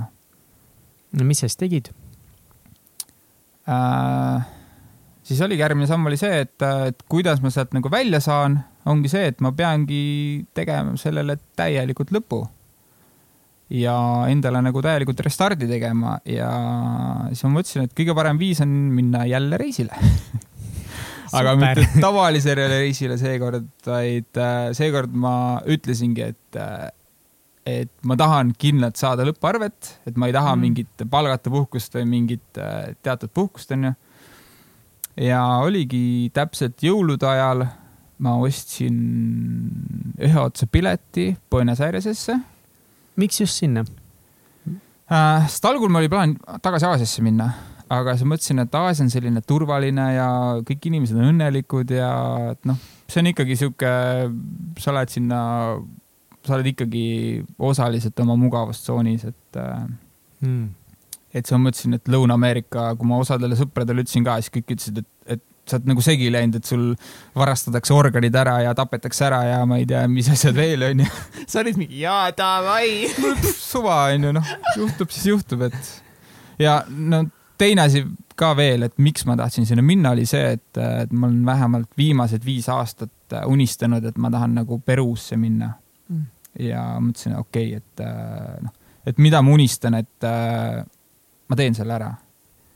et ma ootasin ka seda õiget aega, et oh, kunagi ma lähen ja teen ja noh, seda õiget aega ei nagu tule, et kui sa unistad ainult sellest, siis see jääbki unistuseks, et aga kas see lõpparv, noh, et ongi, et nagu ma saan aru, et sa olid palju seda peas, seda mõtet nii-öelda nagu hellitanud, aga kas see viimane otsus vastu võtta, oli see lihtne sinu jaoks? ei sest mu eesmärk oli see, et ma lähen jaanuaris, ma lõpetan jaanuaris töö ära ja lendan jaanuaris minema, et, et sünnipäevaks ma olen läinud, et mul on jaanuari keskel sünnipäev. aga ma lükkasin selle kuu aega edasi. ja noh, ma tahtsin tegelikult juba oktoobris piletit ära osta. aga siis oligi, jõulude ajal oligi, ma olin sõbraga koos, sõber ütles, et, et nagu noh, et mida sul kaotada on, kui läheb pekki, siis läheb pekki, onju, aga noh et.... oota, sa tahtsid jaanuaris minna, kas sa lõpuks läksid alles aasta lõpus nii-öelda või? ei, ma läksin veebruaris. aa, okei okay.. nüüd, see aasta, et ma tahtsin mm. nagu aasta alguses minna jaanuaris mm, -hmm. aga mhm. ma lükkasin nagu kuu aega seda edasi. aa, sest see kuidagi ikka ei olnud nagu valmis ja, või? ma mõtlesin, et ei, et äh, ma ikka noh, natuke on ikka veel nagu raha vaja onju mm.. ikka seda raha on hädasti vaja, oli siis seda raha väga vaja või? no tegelikult oli, sest ah,. no vot, mis välja tuleb. Lõuna-Ameerikas no, ei ole odav reisimine tuleb välja, et raha on ikka eluks vaja siis. aga siis oligi see, et ma võtsingi vastu selle otsuse, et äh, ma teen selle ära ja ma võtsin selle lõpparve jaanuaris ja veebruari alguseks mul oligi ühe otsa pilet Buenos Airesesse. mul oli pakitud seljakott, mis oli sihuke kümme kilo ja tuld. mingit suurt pagasit kaasas ei olnud, mitte midagi? mul oli käsipagas, mul oligi, esimene öö oli hotellis broneeritud ja ma teadlikult, ma ei teinud ühtegi reisiplaani mul ei olnud, mul oli see suur Lonely Planeti raamat, mis kaalus üheksasada grammi ja mis on mingi tuhat nelisada lehekülge onju. see oli mu piibel ja oligi ja, ja miks veel Lõuna-Ameerika on see, et ma tahtsin, ongi see, et seal on äh, täiesti avastamata maa minu jaoks, seal on täiesti võõras keel. ja noh, hispaania keelt ma enne ei rääkinud ja ongi selline ohtlikum koht, et äh, ja eestlased väga ei käi nagu noh, sest ma ei tea, palil on nagu terve mm -hmm. mu mhm. Facebook oli siin talvel palil, et mm. -hmm. ma tahan ka palile minna et see ei tundunud nagu väga nagu ahvatlev enam. pluss sa olid käinud ka vaata seal juba. Et... on, aastas on käinud. aga sul oli eesmärk ikka minna pikemaks, äh, pikemaks ajaks, kui. ja no sellepärast mul oligi ühe pilet, et ma ei teadnud, kauaks ma lähen mm. -hmm. et ma noh no,, mõtlesin, et, et paar kuud vähemalt üritaks seal hakkama saada, enne kui ma surma saan või midagi mm. -hmm. aga noh, ideaalis ma tahtsin nagu pool aastat seal nagu hakkama saada nii, ja kuidas su reis siis läks, jõudsid ilusti kohale ja? jõudsin kohale väga ilusti. ja, aga noh, algus oli selline, et äh, ma olin kaks nädalat Buenos Aireses ja seal põles väga palju raha, sest oligi see, et oh, Buenos Aires ja Buenos Aires ei maga kunagi. jah, seal ma sain ka uusi tuttavaid äh, päris normaalselt, sest ma kasutan ühte väga ägedat tööriista, milleks on Tinder nii, ja noh, sealt tuli ikka korralikult tutvusi. nad olid sealt nagu toredad tutvused või sealt olid mingid ühe öö tutvused? no seal oli toredaid tutvusi ka aga noh, Buenos Aireses ongi sihuke huvitav linn, et äh, seal süüakse ju õhtust, süüakse mingi kell üksteist õhtul alles Mhm. ja et kui pidu lõpeb ära kell neli, siis on after party, mis lõpeb kell üheksa, siis hakkab after after party, mis lõpeb, ma ei tea, kuna järgmine õhtu. Et seal oli põhimõtteliselt jaa, kakskümmend neli tundi käis vahepeal pidu ja, aga noh, samas tänu nendele tutvustele ma sain ikka, ma sattusin mingile ühele underground peole, mis on sihuke, oli ka väga huvitav kogemus, et. mis see underground pidu tähendab? no see on mingi, no mitte korteriläbu, vaid selline nagu baar, mis on nagu kinni ja kus nagu suvaliselt sisse ei pääse Aha. Ja ongi mingid DJ-d, asjad ikka ja baarid, aga see on selline nagu varjatud pidu, et sinna pääsebki ainult nagu teatud inimesed sisse, et okei okay., aga miks see nagu lahe oli või oli seal midagi siukest vinget ka sinu jaoks, mis, mis nagu oli mm, ägedam kui niisama baar? ma nagu niimoodi ei oskagi öelda, et mis seal nagu nii ägedat oli, et äh, see oli lihtsalt äge. aga neid sa-, nüüd, nüüd ma saan aru, et, et sinul sellel teisel siuksel pikal reisil, et alguses sul algusest peale oli juba palju lihtsam sõpru ja kontakte luua või? jaa, mul põhimõtteliselt oli esimene õhtu juba olid seal uued sõbrad ja Nice. okei, okei, nii pärast underground pidu, mis sa edasi tegid siis seal? no siis äh, ma olingi kaks nädalat olin seda raha põletanud seal ja pidutsenud ja siis ma mõtlesin, et ma pean siit ära põgenema. Mm. ja noh, mu, mu eesmärk oli tegelikult äh, jõuda võimalikult kiiresti Peruusse, sest äh, noh, ma ei teadnud, et äkki ma pean mingi aeg nagu tagasi tulema, et noh, kuna mul on siin ka nagu see Soome korter on välja üüritud, et kui üürnikud minema lähevad, siis ma pean ikka tagasi tulema, onju, et, et siis mul oligi see, et ma tahan vähemalt Peruusse välja jõuda. Ja siis ma tegingi põhimõtteliselt päris kiiresti läksin, läksin Argentiinast Uruguay'sse, sealt Brasiiliasse, Paraguay'sse ja Tšiili, Boliivia ja Peru. Wow. Wow. kuule, seal kindlasti juhtus nagu rohkem midagi, kui lihtsalt läksid ühest kohast teisse, räägi siis nagu, räägi nendest hulludest seikadest ja seiklustest, mis sinuga juhtus seal, mis muutsid sind kui inimest ja, ja mis panid sind mõtlema, et mida fuck'i seda lugu ma tahan oma lapsevan-, lapsevanematele lastelastele. rääkida. no tegelikult seal juhtus, noh, ma arvan, peaksime mingi eraldi saate tegema selle jaoks, mis seal nagu juhtus.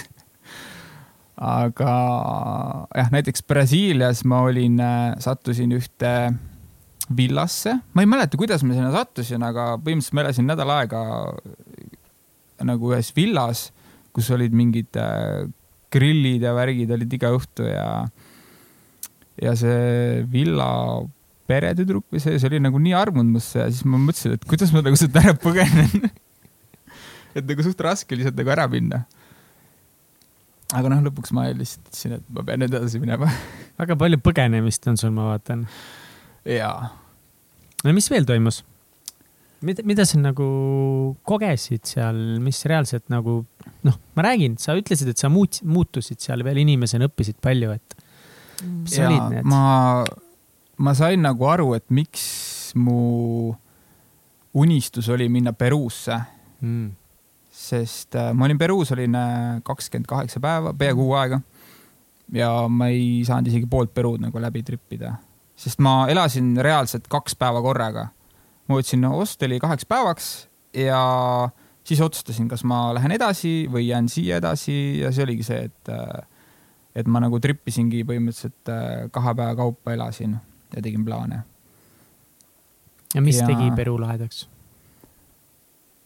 noh, ma käisin Machu? Picchu'l, mis minu jaoks oli sihuke noh, ei tekitanud väga suurt elevust nagu, et see oli äge onju näha, aga mulle meeldis näiteks, ma võtsin selle kolmepäevase selle tripi sinna, et me kõndisime mingi ühe päeva täiesti jala nen- selles äh, Inka treili. see oli nagu palju ägedam kui see Machu Picchu Nice. ja Peru oli see koht, kus ma ületasin kuus tuhat meetrit mis on tegelikult ka väga ekstreemne. see oli üks highlight'e Mm. ja loomulikult äh, ayahuasca. kuidas sa sattusid ajuhaskat tegema, kelle kaudu või see, see, see ei ole nagu sihuke asi, et sa lähed baari lihtsalt ja hakkad ajuhaskat tegema, vaid see on eraldi rituaal, kuhu Jaa. peab kuidagi kutsutud olema, et kuidas see, mis see story oli sinu ja ajuhaskaga? noh, tegelikult ma tahtsin alguses minna nagu džunglisse ayahuascat tegema. Ja mul ja Machu Picchul tegelikult äh, ma sattusin kokku eestlastega, kus oli, Ivo oli, oli reisijuht neil. ja noh, tema ütles ka, et, et ma, ta saaks mulle kontaktid anda, et džunglis, aga aga see ei ole nagu odav, et see ayahuasca on ise odav, et see on mingi kümme dollarit, aga et sinna džunglisse saada ja mm. -hmm. kuna ma hispaania keelt väga hästi ei räägi, siis see on nagu keeruline. Mm -hmm. Ja siis ma tegin põhimõtteliselt nagu pool siukse turistika, et ma läksin ikkagi sinna, no seal on eraldi siuksed keskused või sellised, kus sa saad nagu teha neid äh, tseremooniaid.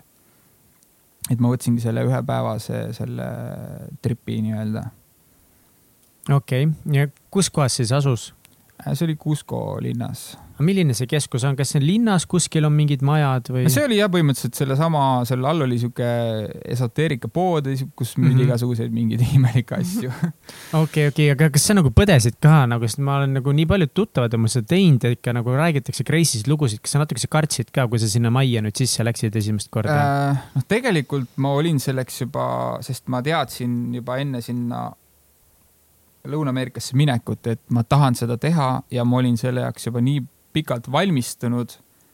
et noh, ma alustasin kaks nädalat enne alustasingi täiesti, ma olin äh, taimetoitlane ja ma ei joonud üldse alkoholi ja et ma Mm. nagu Aa, valmistusin vau. nagu sisemiselt ka selle jaoks, et ma ei tahtnud lihtsalt siukest äh, turistikat, et ma ei tea, eelmine päev joon õlut ja siis järgmine päev panen ajavaskat, et et ma ikka valmistusin nagu sisemiselt selle jaoks, et ma tahtsin seda õiget nagu seda tunnetust ikka saada.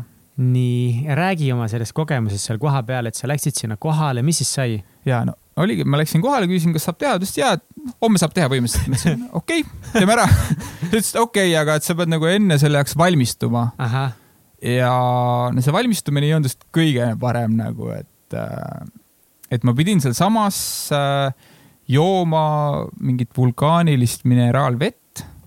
Mingi viis topsi jõin ära ja siis ma istusin mingi poolteist tundi WC-s, et põhimõtteliselt see puhastas mu Mm. mm. sisemise kõik ära nagu sellest mm, -hmm. et Mhm, okei. ja mis siis sai? ja siis oligi, et siis ma ei tohtinud süüa kakskümmend neli tundi või noh, ma ei tohtinud nagu midagi süüa, et, et muidu poleks sellest kasu midagi, sest kui sa selle ayahuasca nagu mõju all oled, siis sa ei kontrolli ennast, et äh, noh, põhimõtteliselt see, tuleb sust nagu välja niimoodi, et sul on nagu mähkmed ja midagi ei aita seal. Mhm, okei, et aga ongi, et järgmine päev ma läksin siis sinna ja seal oli see šamaan oli kohal, ta muidugi hispaania keelt ei rääkinud, ta rääkis seda ketjua keelt või seda, aga noh, me ei rääkinudki nagu väga palju, et, et et siis oligi, algaski see tseremoonia, ma pidin küsima endalt mingid küsimused, et miks ma nagu tahan teha seda ja mis vastuseid ma tahan saada. ja noh, siis me nagu hakkasime jooma, et äh, samaan andis mulle topsi, võttis ise topsi onju, ma ütlesin, et aga okei kuidas see nagu toimub, kas te olite kahekesi või? palju üldse oli, oli teid seal? Jaa. ja ma olin nagu kahekesi, me olime kahekesi jah, et ma sain Aa. nagu privaat äh, selle, sest äh, sel päeval nagu ei olnud teisi tahtjaid, et Okei. ütles muidu, et maksimum neli inimest onju, Mhm. aga noh, mul lihtsalt vedas, et ma sain Mhm. privaat selle sa pead nagu arvestama selle, kui sa räägid, siis mul pole õrna aimu, kuidas see võiks välja näha, kus see toimub üldse, keegi meie, või noh, väga paljud meie kuulajad ilmselt ka üldse ei ole võib-olla kuulnud ka ajahaskast, et see on selline üks väga tugev narkootikum või narkootiline aine, mis aitab nagu enda sisse näha, saad siis kohe lähemalt rääkida, aga et seepärast ma tahangi, et sa Jaa. võib-olla detailselt räägiksid nagu kogu see olustikku ja mis seal nagu toimus ja kuidas see käib kõik. See on hullult põnev, ma tahan ise kuulutada. see oligi selle poe nagu, see oli äh,, mul oli va- variant, et kas, kas mind viiakse džunglisse onju mm. -hmm. see oli Jaa, jaa. päris palju kallim, et see mm -hmm. üks päev oli sada kolmkümmend euri.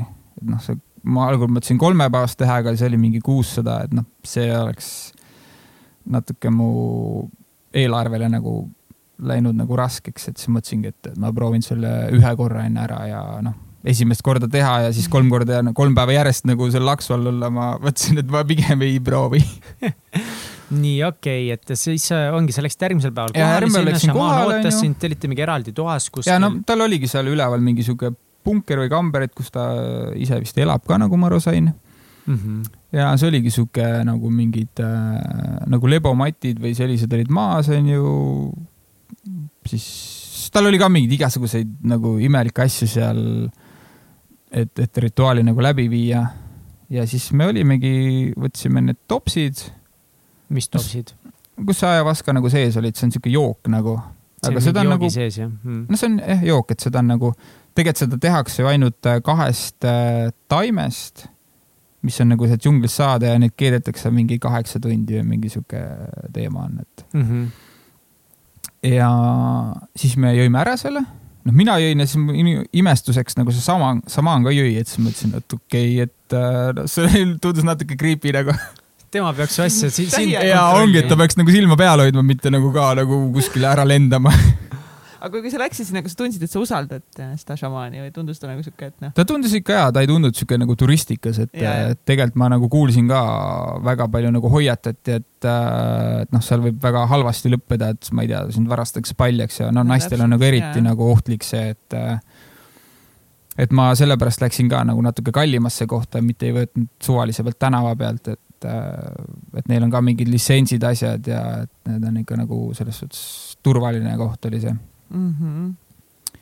ja siis oligi, jõime ära selle, siis ma istusin ka seal, noh, Saman oli teisel pool seda ruumi otsa, mina olin nagu ühel pool. ja siis ma istusin mingi pool tundi, vaatasin nagu noh, ei mõju nagu, mitte midagi ei toimu. aga kas ta sellel ajal nagu, kui sa ära jood, teeb ta ka juba mingeid rituaale või räägib midagi või lihtsalt ta... joote ära, istute maha? joome ära, siis noh, ta ise tegi mingit siukest suitsu, mis on ka mingi, saises päris vastikult ma ei tea, mis suits see oli, siis ta puhus nagu mulle ka peale seda ja noh, mingeid oma rituaale tegi seal. ja siis me põhimõtteliselt istusime jumala vaikuses, tema istus oma nurgas, mina oma nurgas mingi pool tundi. ja ma mõtlesin, et see ei toimi. ja siis äh, järgmine hetk oli see, et kui ma nagu silmad kinni panin korra, siis ma nagu tundsin midagi ja siis ma panin uuesti silmad kinni ja siis oli see, et see oli nagu, ma pole elu sees nagu nii palju värve näinud, mis seal oli, et äh, et see oli sihuke nagu džungel ja seal olid mingid loomad ja asjad nagu kuidagi värvid käisid, et see oli nagu nii ulme lihtsalt. ja siis ma hakkasingi nagu naerma lihtsalt lambist. ma ei, ma ei suutnud ennast nagu kontrollida. ma hakkasin naerma, noh, ma teadsin, et ma olin nagu sealsamas ruumis kohal ikka, et ma tundsin, et ma olen kohal.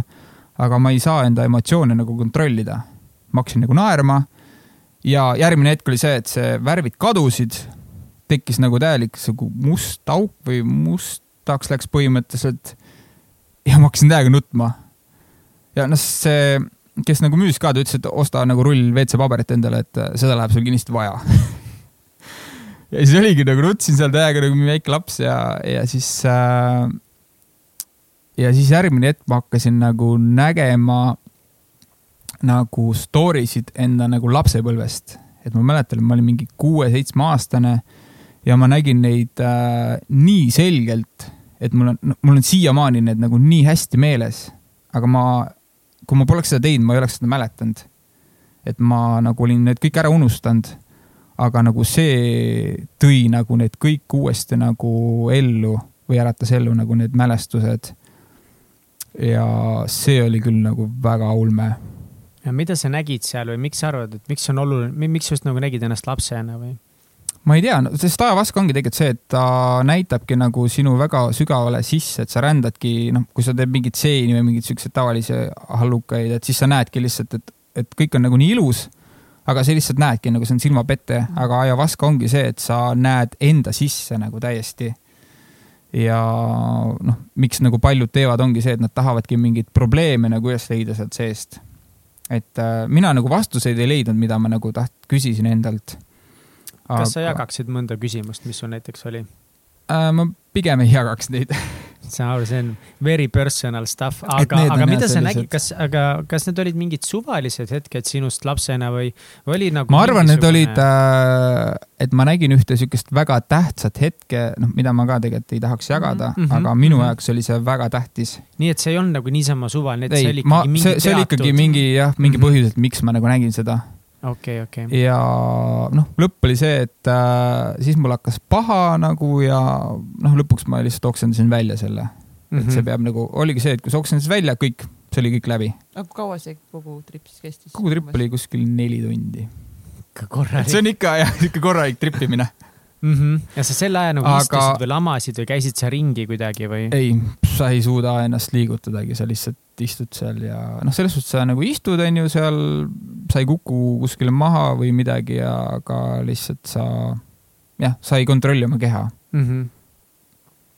et sellepärast ongi väga oluline see, et sa enne puhastaksid ennast, et seal on väga palju juhtunud selliseid asju, kus Ja, kus sul on kõht on nagu toitu täis ja siis see tuleb lihtsalt välja seal mingi hetk. ja, ja, ja okei okay.. aga kuidas nagu, kui see nüüd läbi sai ja sa võtsid vaikselt ennast kokku seal ja taastusid, et, et mida sa siis tundsid või kas sa nagu? aga seal nagu, et äh, mis ma nagu sealt sain, oli see, et ma nägin nagu, ma nägin ka ainult enda peret nagu ja sealt mul tuligi see, et, et äh, tegelikult ongi elus kõige tähtsam asi ongi pere ja seal mul oli ka, et noh, ma nägin oma vanemaid ja vendasid ja siis mõtlesin ka, et vau, et noh, ma nagu täiega nagu armastan neid, et mm. et see on nagu tegelikult väga tähtis asi. Et see oli, noh, ma arvan, et seda ma pidingi nagu nägema seal mm., et, et kokkuvõttes oligi see ja et, et pere on nagu tegelikult kõige tähtsam, et, et ma olen ju ka kümme aastat nagu Soomes olnud ja väga kaua nagu eemal neist, et noh, sellepärast ma ka nüüd teadlikult tahan nagu Eestisse jääda ja rohkem nagu perega koos olla, et. aga peale seda noh, mingid, ma ei tea, ma olin suht normaalne inimene jälle no jah, mõnes mõttes ma ei olnud normaalne inimene, sest äh, ma läksin äh, hostelisse ja ma võtsin kohe koju pileti ära, siis mõtlesin, ei, ma tahan koju saada. okei okay., et siis ei tahtnud enam. mul oligi, et, et oligi see, et ma võtsin täpselt kuu aja pärast siis pileti koju. et noh, siis ma olin kaks kuud olnud seal, et. okei okay et sellepärast ma tulingi nüüd äh, kolme, kolm kuud oli kokku seal Lõuna-Ameerikat.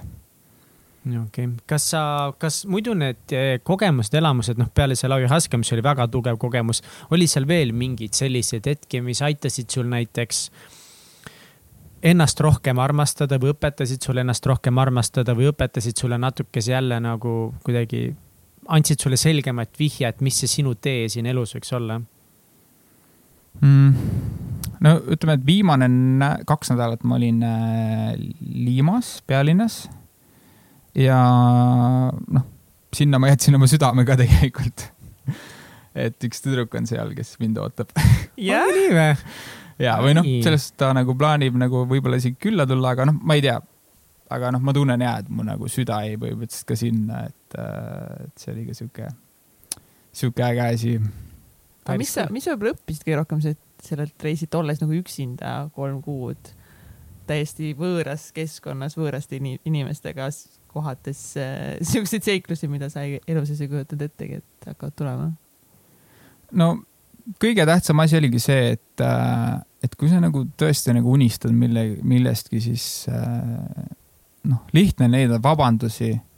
aga ongi see, et lihtsalt nagu tee ära seda, et äh, mul oli ka ju, ma olen kolmekümne nelja aastane ma trippisin seal, elasin hostelites, trippisin seal, noh, kõik olid mingi sihuke üheksateist kuni kakskümmend neli onju, noh, ma tundsin vahepeal, et ma olen sihuke isa eest onju. aga no ikkagi ma suutsin nendega veel enam-vähem nagu sammu pidada. aga oleks ma nagu kümme aastat hiljem nagu avastanud seda, noh, siis oleks võib-olla nagu raske olnud juba, et äh, ongi see, et ära nagu lükka nagu neid unistusi edasi, et äh, kui sul on mingi unistus, siis sul on ka alati võimalus, et neid vabandusi, noh, sa võid leida nagu lõputult, aga lihtsalt tuleb need asjad nagu ära teha. kas sa tundsid seal, et sa oled vaba ja õnnelik ja et kas, kas sa tundsid, et nüüd, kui sa, kui sa olid seal päriselt kohal, seal, mis nii palju olid unistanud, et nagu jah, nagu this is it nagu?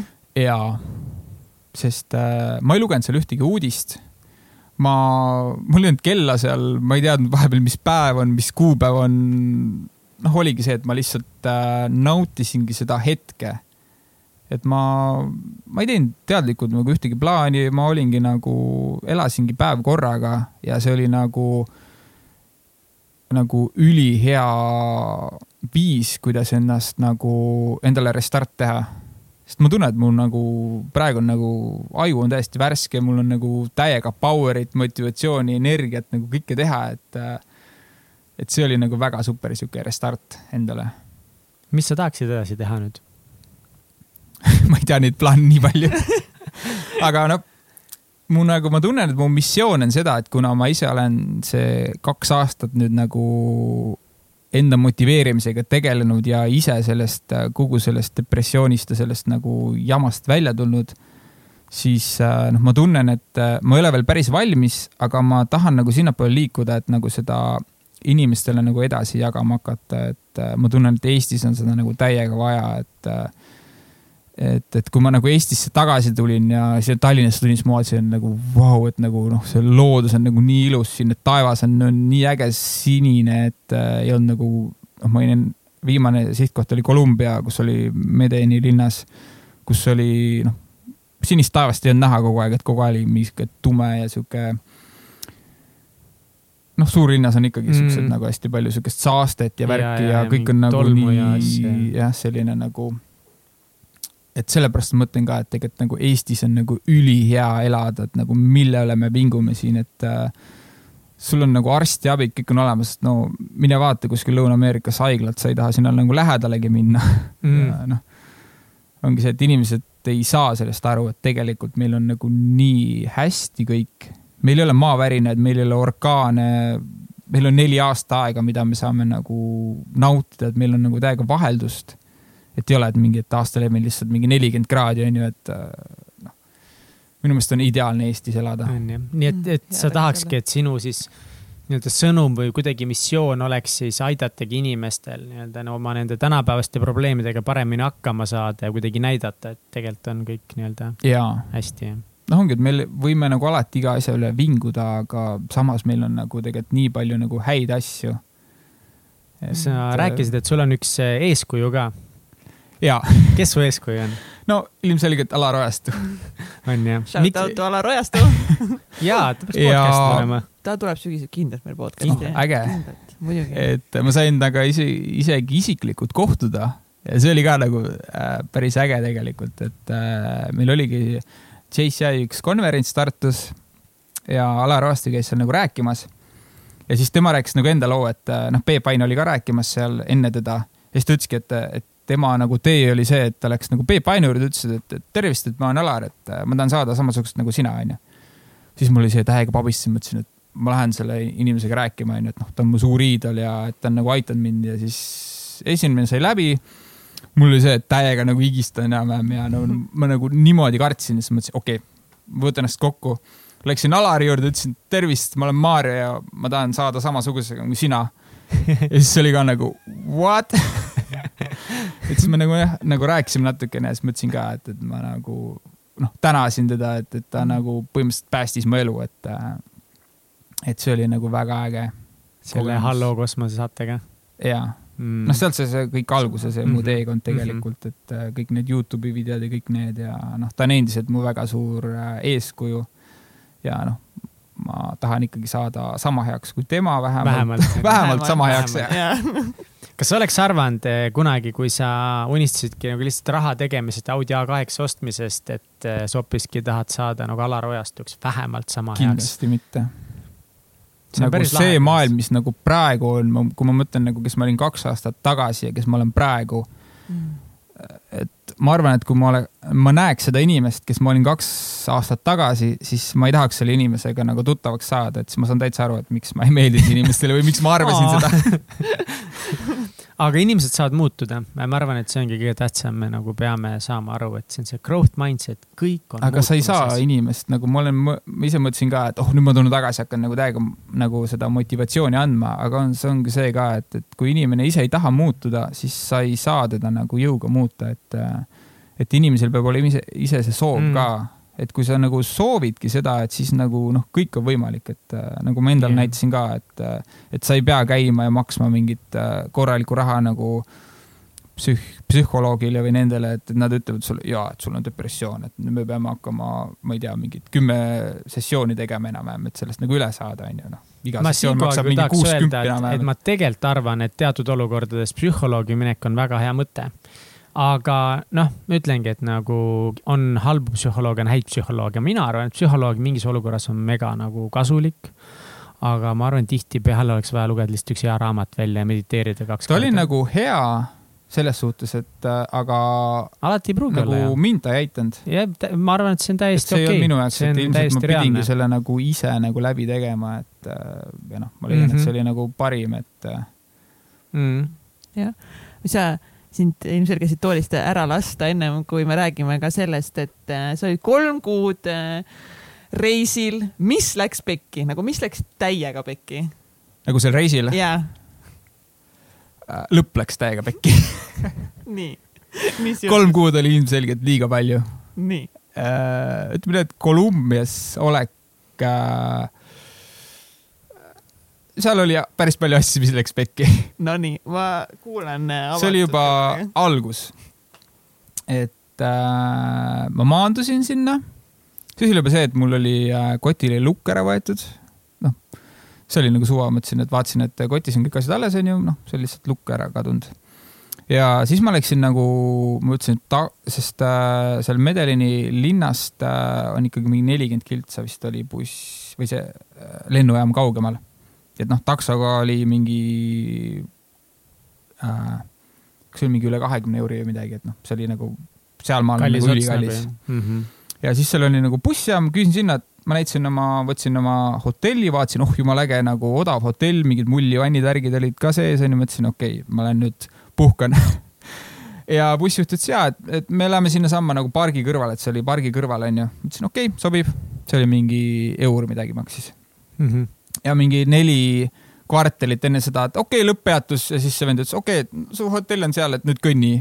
kell oli mingi pool kümme, õhtul jumala pime, ma olin mingi täisvarustuses onju.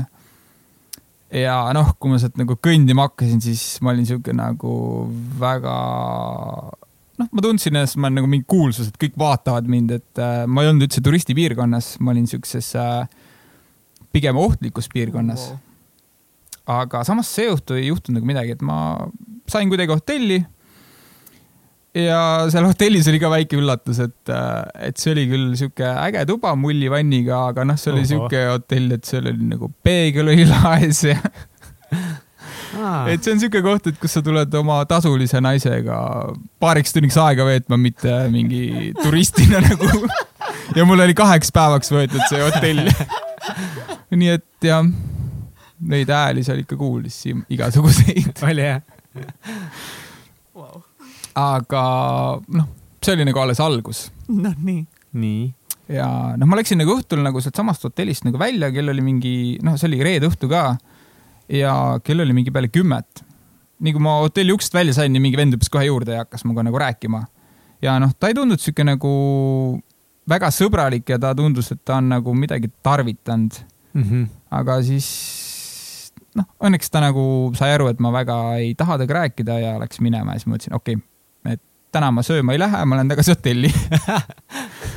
aga siis nagu järgmine päev äh,, seal oli üks park. noh, ma läksin nagu jalutama ja siis äh, mul oli ka väga telefoni viitsinud vaadata, onju, sest noh, muidu ma teadsin, kuhu ei tasu nagu minna ikka Mhm. turistidele. ja ma lihtsalt jalutasin, jalutasin ja vaatasin il-, noh, ilm oli ilus ja ja järsku oli see, et ma vaatasin, et okei okay,, et äh, noh, väga palju rahvast ei olnud, ainuke rahvas oli siuksed magavad kodutud, sest seal oli ülipalju Veneetsia kodutuid. ja, ja järsku nagu mingi, mingi vend kõndis minu poole, sest seal oli, seal olid enam või noh, kõik olidki mustad inimesed, ma ei näinud seal ühtegi valget inimest. mingi sihuke must mees kõndib minu poole, onju, ja tal oli nuga käes põhimõtteliselt noh, mängis nagu noaga, onju. ja ta ei tundnud sellise nagu rõõmsa, rõõmsa näoga, et oh, tere tulemast Kolumbiasse, et nagu tuleme kallistama, onju. ja siis ma mõtlesin, et okei okay,, mida ma teen. ja mõtlesin, et okei okay,, et Kolumbia pole kindlasti see koht, kus ma nagu tahaks riskida. et noh, võib-olla ta lihtsalt nagu ilus päev mängib noaga ja kõnnib must mööda. aga ma mõtlesin, et okei okay, ja panin lihtsalt teisele poole jooksu võib-olla ta vaatas, et ma mingi lollakas onju, lihtsalt jooksen minema. Aga jah, võib-olla, aga võib-olla see See- päästis oma elu, onju. võib-olla, ma arvan, et see oli jah, pigem, pigem see, et äh, Mm. sest ta reaalselt, ta kõndis nagu minu poole ja noh, ta ei olnud niimoodi, et nagu nuga käest ta nagu lööb mind kohe, vaid tal oli noh, mängis selle noaga. ja ta kõndis nagu reaalselt minu poole ja ta ei, ta ei naeratanud ma arvan, et need on kolm asja, millest mulle täiesti piisaks, et panna samamoodi jooksu minu suunas, nuga käes ja ei naeratas, davai, kindlalt läheb, kindel minek. ja, ja siis ma kolisin äh, turistipiirkonda Good call. et see pole nagu jah, minu, minu ala nagu ja, aga no tõesti, seal see kuritegevus on päris karm nagu, et nagu ei tasu no,. Medellin oli ju mõned aastad tagasi maailma põhimõtteliselt mõrva yeah. pealinn, et see mm. oli, Escobar ju ehitas mm -hmm. sinna neid. noh, põhimõtteliselt ta, need ju hauad ja kõik on seal nagu ja tema vangla ja kõik on sealsamas linnas, et. kes tahab äh, teada Medellini ja Columbia ajaloost, siis Narcose sari ülihästi võtab kõik selle kokku. ja noh, see oligi see, et ma rentsin seal ju tsiklipäevaks ja ja see vend ütles ka, et, et noh, et kui sa nagu sõidad, et siis sa vaata nagu kaarti ka, et ta näitas mingid piirkonnad ära, kuhu, kuhu isegi tema ei julge minna, et ta on mm -hmm. nagu vahepeal teeb mingeid tuure sinna. aga ta ütles ka, et kui neid tuure teeb, võtab paar inimest kaasa, siis on see, et inimesed ootavad nurga taga ja ta läheb mingite inimeste juurde, maksab põhimõtteliselt äh, mingit raha, et noh, nad võivad nagu, et need on nagu valvatud ja mm -hmm. ta ütles ka, et, et kui sa noh, ise sinna satud, siis põhimõtteliselt tagasi ei tule aga siis, kui sa on... turistipiirkonda ära kolisid, kas siis oli nagu fine kõik või? jaa.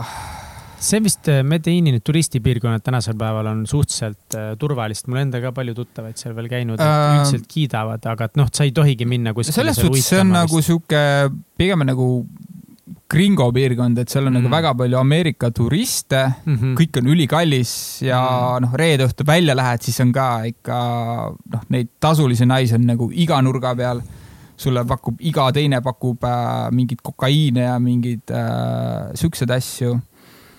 ja noh, see ei olnud ka nagu väga nagu, ei meeldinud mulle selles suhtes mm, -hmm. et mhm. äh, aga üks päev enne äratulekut juhtus minuga veel see, et äh, mul kõndis taskust telefon minema metroos. Et noh, see oli ka selline. viimasel päeval nagu meil Londonis vaata ja... viimasel päeval lihtsalt nagu laua pealt lihtsalt telefon. ja viimane päev nagu noh, õnneks mul oli see, et mul oli, lend läks hommikul kell kuus ja viimane päev ma mingi neli tundi lihtsalt olin äh, Kolumbia nagu äh, politsei selles jaamas, jaoskonnas ja mitte keegi seal inglise keelt ei räägi isegi turistipiirkonnas äh, baarides, hostelites, hotellides, noh, võib-olla kallimates hotellides räägitakse, aga ainult hispaania keel. noh, mul oli see, et mul oli jälle seal üks kohalik tüdruk, kes minuga kaasa tuli sinna ja tõlkis, onju. et see on, selles suhtes läks mul lihtsalt. et sihuke võimas tööriist oli mul ka tänu millele ma sain nagu ka. oota, kas sa õppisid ju siis hispaania keelt ka nüüd nagu oskad nagu äh, rääkida või kuidas? no ma oskan rohkem rääkida, kui nagu ainult õlut tellida mm. -hmm. aga noh, päris selgeks ma ei saanud, sest ma ikkagi, kui, kui mu eesmärk oli algul see, et ma lähen sinna, ma õpin hispaania keele selgeks, aga ma ikkagi leidsin no, alati hostelites oli neid inimesi, kes räägivad ing inglise keelt ja noh, Tinderis rääkisid kõik inglise keelt pigem nagu. et selles ma nagu fail isin, aga noh, ma saan selles suhtes hakkama. Ma nagu soravalt ei räägi, aga ma saan siukse mingi pooletunnise vestluse võib-olla uh, nagu ära peetud. ülikõva. täiega lahe. Uno cerveza, por favor põhivärk. ma ainult, ainult seda oskan. no seda ma oskasin ka enne Kats, kas sa tahad küsida veel midagi, enne kui on teatud aeg teatud aeg, jah? tead, kuidas sa soovitad inimestele võtta aega iseendale ja minna, minna reisima? kindlasti ja ma, ma nagu soovitaks ka, et igal inimesel, et nagu kui tal nagu natuke julgust ongi vähemalt, siis äh, tehku kasvõi mingi sihuke, kasvõi siinsamas Euroopas, et üksi reisimine ära nagu kasvõi nädal aega või midagi sellist, et see, see on hoopis midagi muud, kui, kui sa lähed mingi sõbraga või, või ma ei tea, paarina lähete või. see on nagu täiesti teine elu mm. -hmm Lauri Pedaja rääkis oma episoodis ka sellest, nii et kuulake Lauri Pedaja episoodi, ta räägib ka üksi reisimisest. tundub, et see nagu ikka peab ära tegema. peab ära tegema, jaa noh, see muidugi nõuab julgust ka, aga Täiega, kui sa nagu selle ühe reisi ära teed, siis näiteks äh, kui ma selle ühe reisi ära tegin, siis ma pigem käin üksi reisimas kui kellegagi koos mm. -hmm. sest see annab sulle nagu nii palju vabadust ja sa oled nagu, sa võidki teha, mida sa tahad ise aga noh, see eeldab ka seda, et sa tahad nagu äh, uute inimestega nagu suhelda ja tutvuda. et noh, võib-olla nagu ei oleks kõige huvitavam, et kui sa võtad mingi hotelli ja lihtsalt äh, oledki seal üksi hotellis onju. võib-olla lähed backpack'id lihtsalt üksi üle maailma, vaatad loodust. nojah, aga siis sa oled ikkagi ju backpacker, siis sa oled ikkagi hostelites, et mm. -hmm noh, sa võid muidugi hotellides ka olla, aga hosteli elu on nagu, kuigi ma algul kartsin ka nagu hostelid, et oo, mind röövitakse paljaks või ma ei tea nagu mm, -hmm. et mhm. seal on mingid, ma ei tea, sarimõrvareid või ja siis äh, selle kolme kuu jooksul ma, ma ei kasutanud kordagi nagu neid lokkereid, et, äh, et pange nagu väärtuslikud asjad nagu lokkerisse, mul olid mingid läpakad ja mingid äh, GoPro'd, asjad, mul vedelesid kogu aeg nagu mingi voodi peal ja mul ei varastanud mitte ühtegi asja ära nagu see on see koht, kus ma ütlen, lapsed, ärge tehke seda kodus järgi no võib-olla jaa, mul lihtsalt oli nagu. Not a good practice, sul joppas räigelt.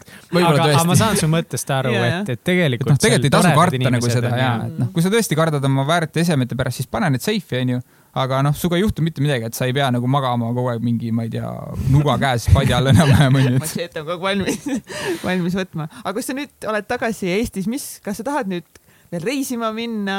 Või sa tahad nüüd Eestisse jääda või sa lähed Soome tagasi või what's the plan? no ma mingiks ajaks pean minema Soome, sest see, see reis võttis nagu mu eelarve või eelarve läks nagu juba noh, kahe, kahe, esimese kahe nädalaga läks juba täiega lõhki onju, et Great success. et noh, nüüd tuleb natukene nagu tagasi teenida seda, et, et saaks nagu enda asju teha mm. -hmm. aga noh, tegelikult mu unistus ongi praegu, on see, et ma tahaks nagu koolitusega tegeleda ja noh, inimesi nagu motiveerida ja teine on see, et ma tahan oma reisiettevõtet teha, et ma tahan nagu inimestele pakkuda ka seda, et võib-olla kui inimesed tahavad minna, aga nad ei julgegi üksi minna, et siis ma tulen lihtsalt kaasa nendega ja teeme lihtsalt siukse ägeda, siukse hostelite tripina uh,. Läheme kõik koos. aga noh, see on jah, tulevik nagu tore. ei ole, ma loodan, et see ei ole kauge tulevik, sest sa ise ütlesid ka, et kunagi sinna Soome minek oli ka ikkagi see mõte, et ma teenin natukese raha ja siis tulen, panen midagi püsti ja siis läks kümme ja, aastat mööda. palun ära mine kümneks aastaks enam. ära uuesti mine kümneks aastaks ei, ma ikkagi üritan ja nagu Eestis ikka noh, Eesti on ikkagi kodu ja et seal Soomes mul ei ole selle kümne aastaga mitte ühtegi Soome sõpra tekkinud, et noh, see on mm. ikkagi, see on nagu nii lähedal, aga see kultuur on ikka hoopis teine, et.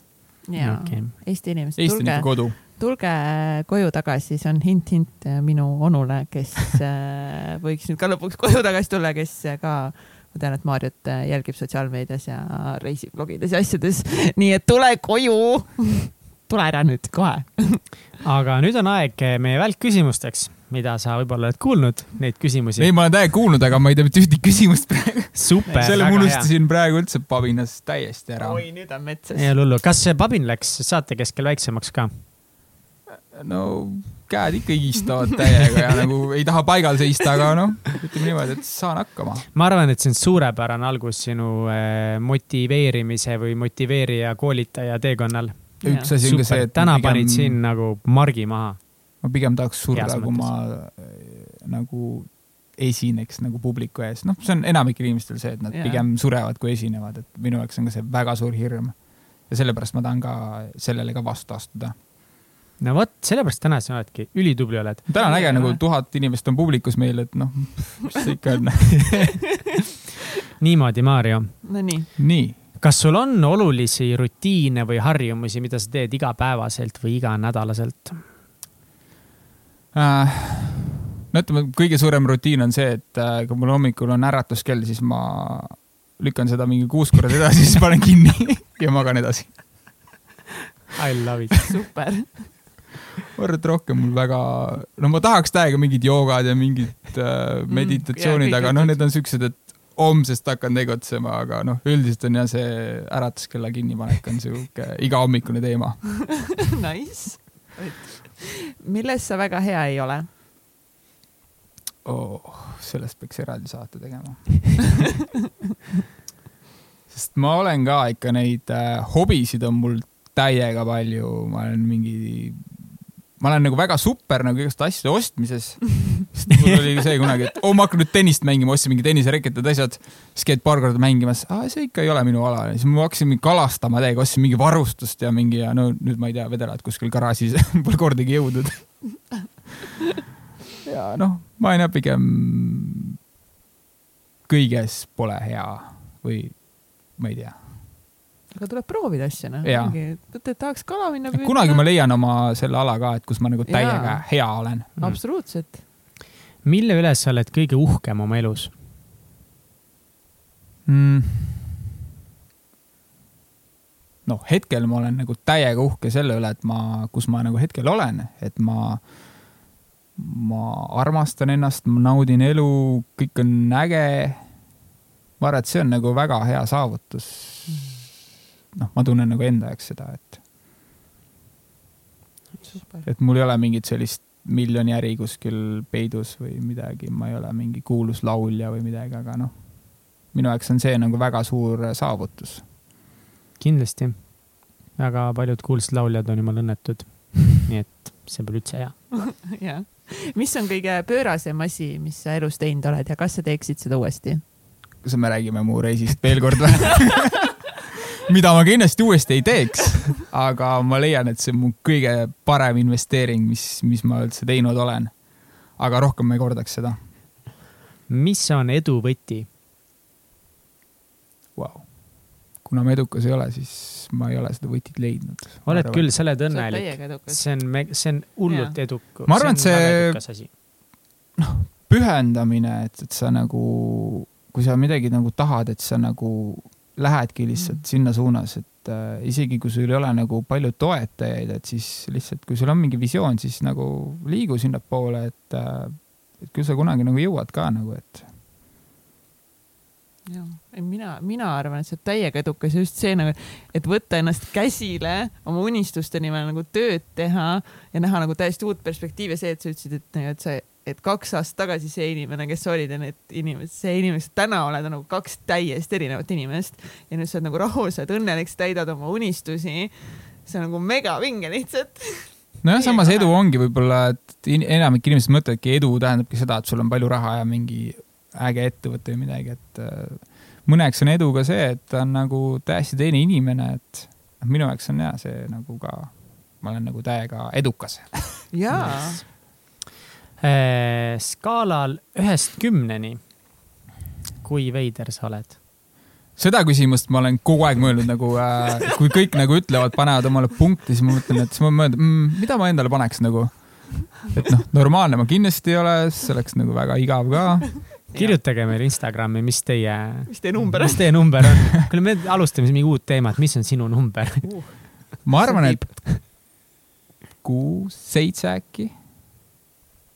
Natukene veidram kui tavaline keskmine inimene.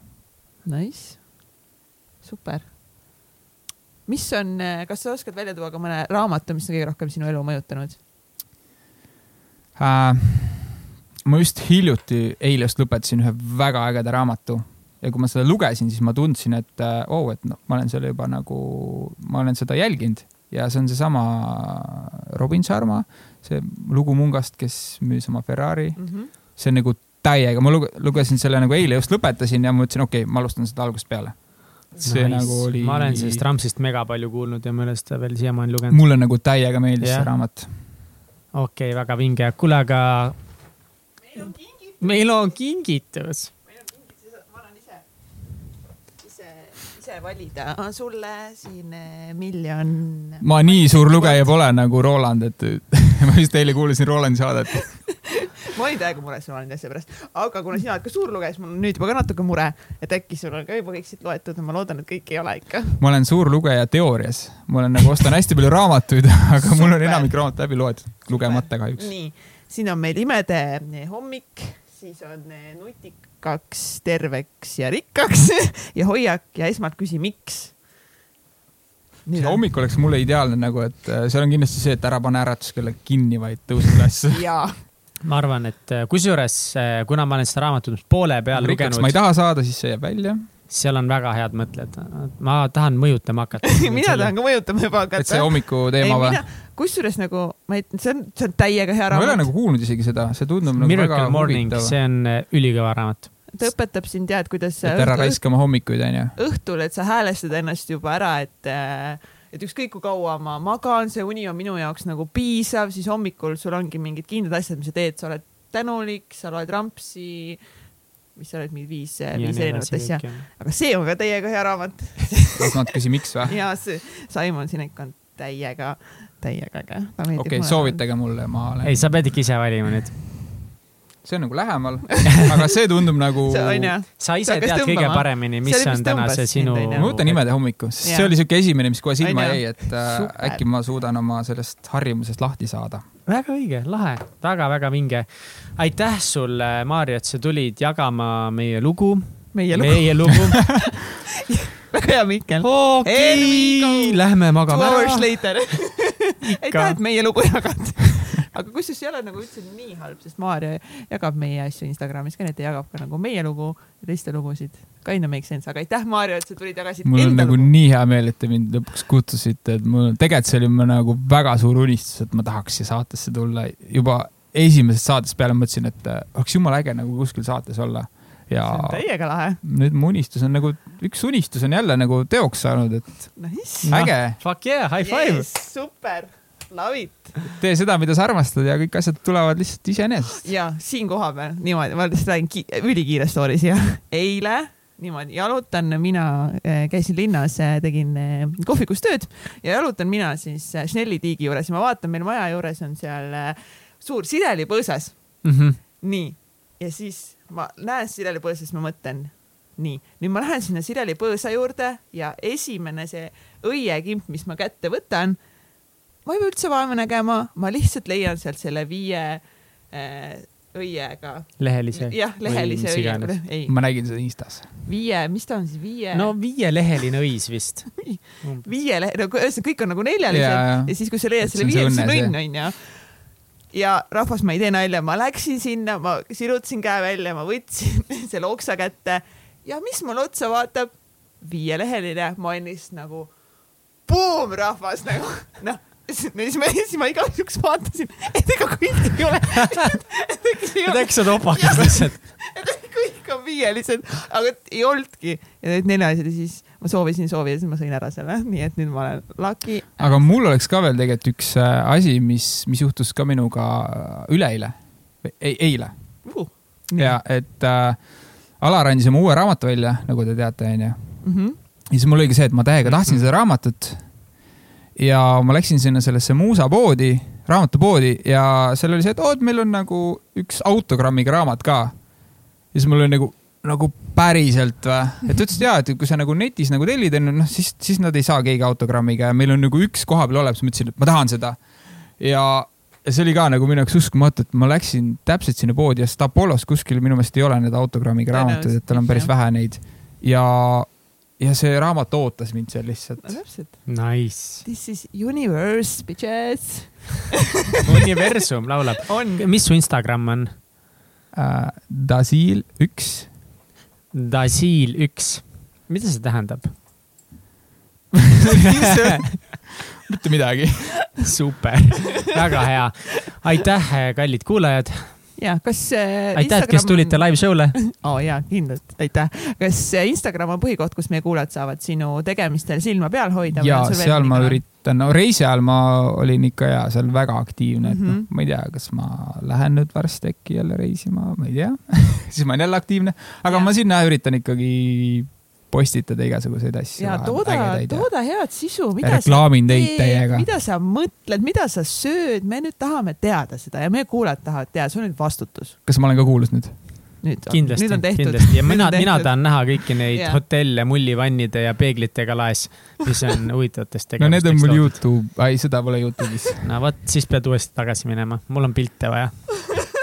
meil on vaja ja peame tegema, ühesõnaga ja nii, aitäh kõigile, aitäh Maarjale ja tšau. aitäh, Tšau!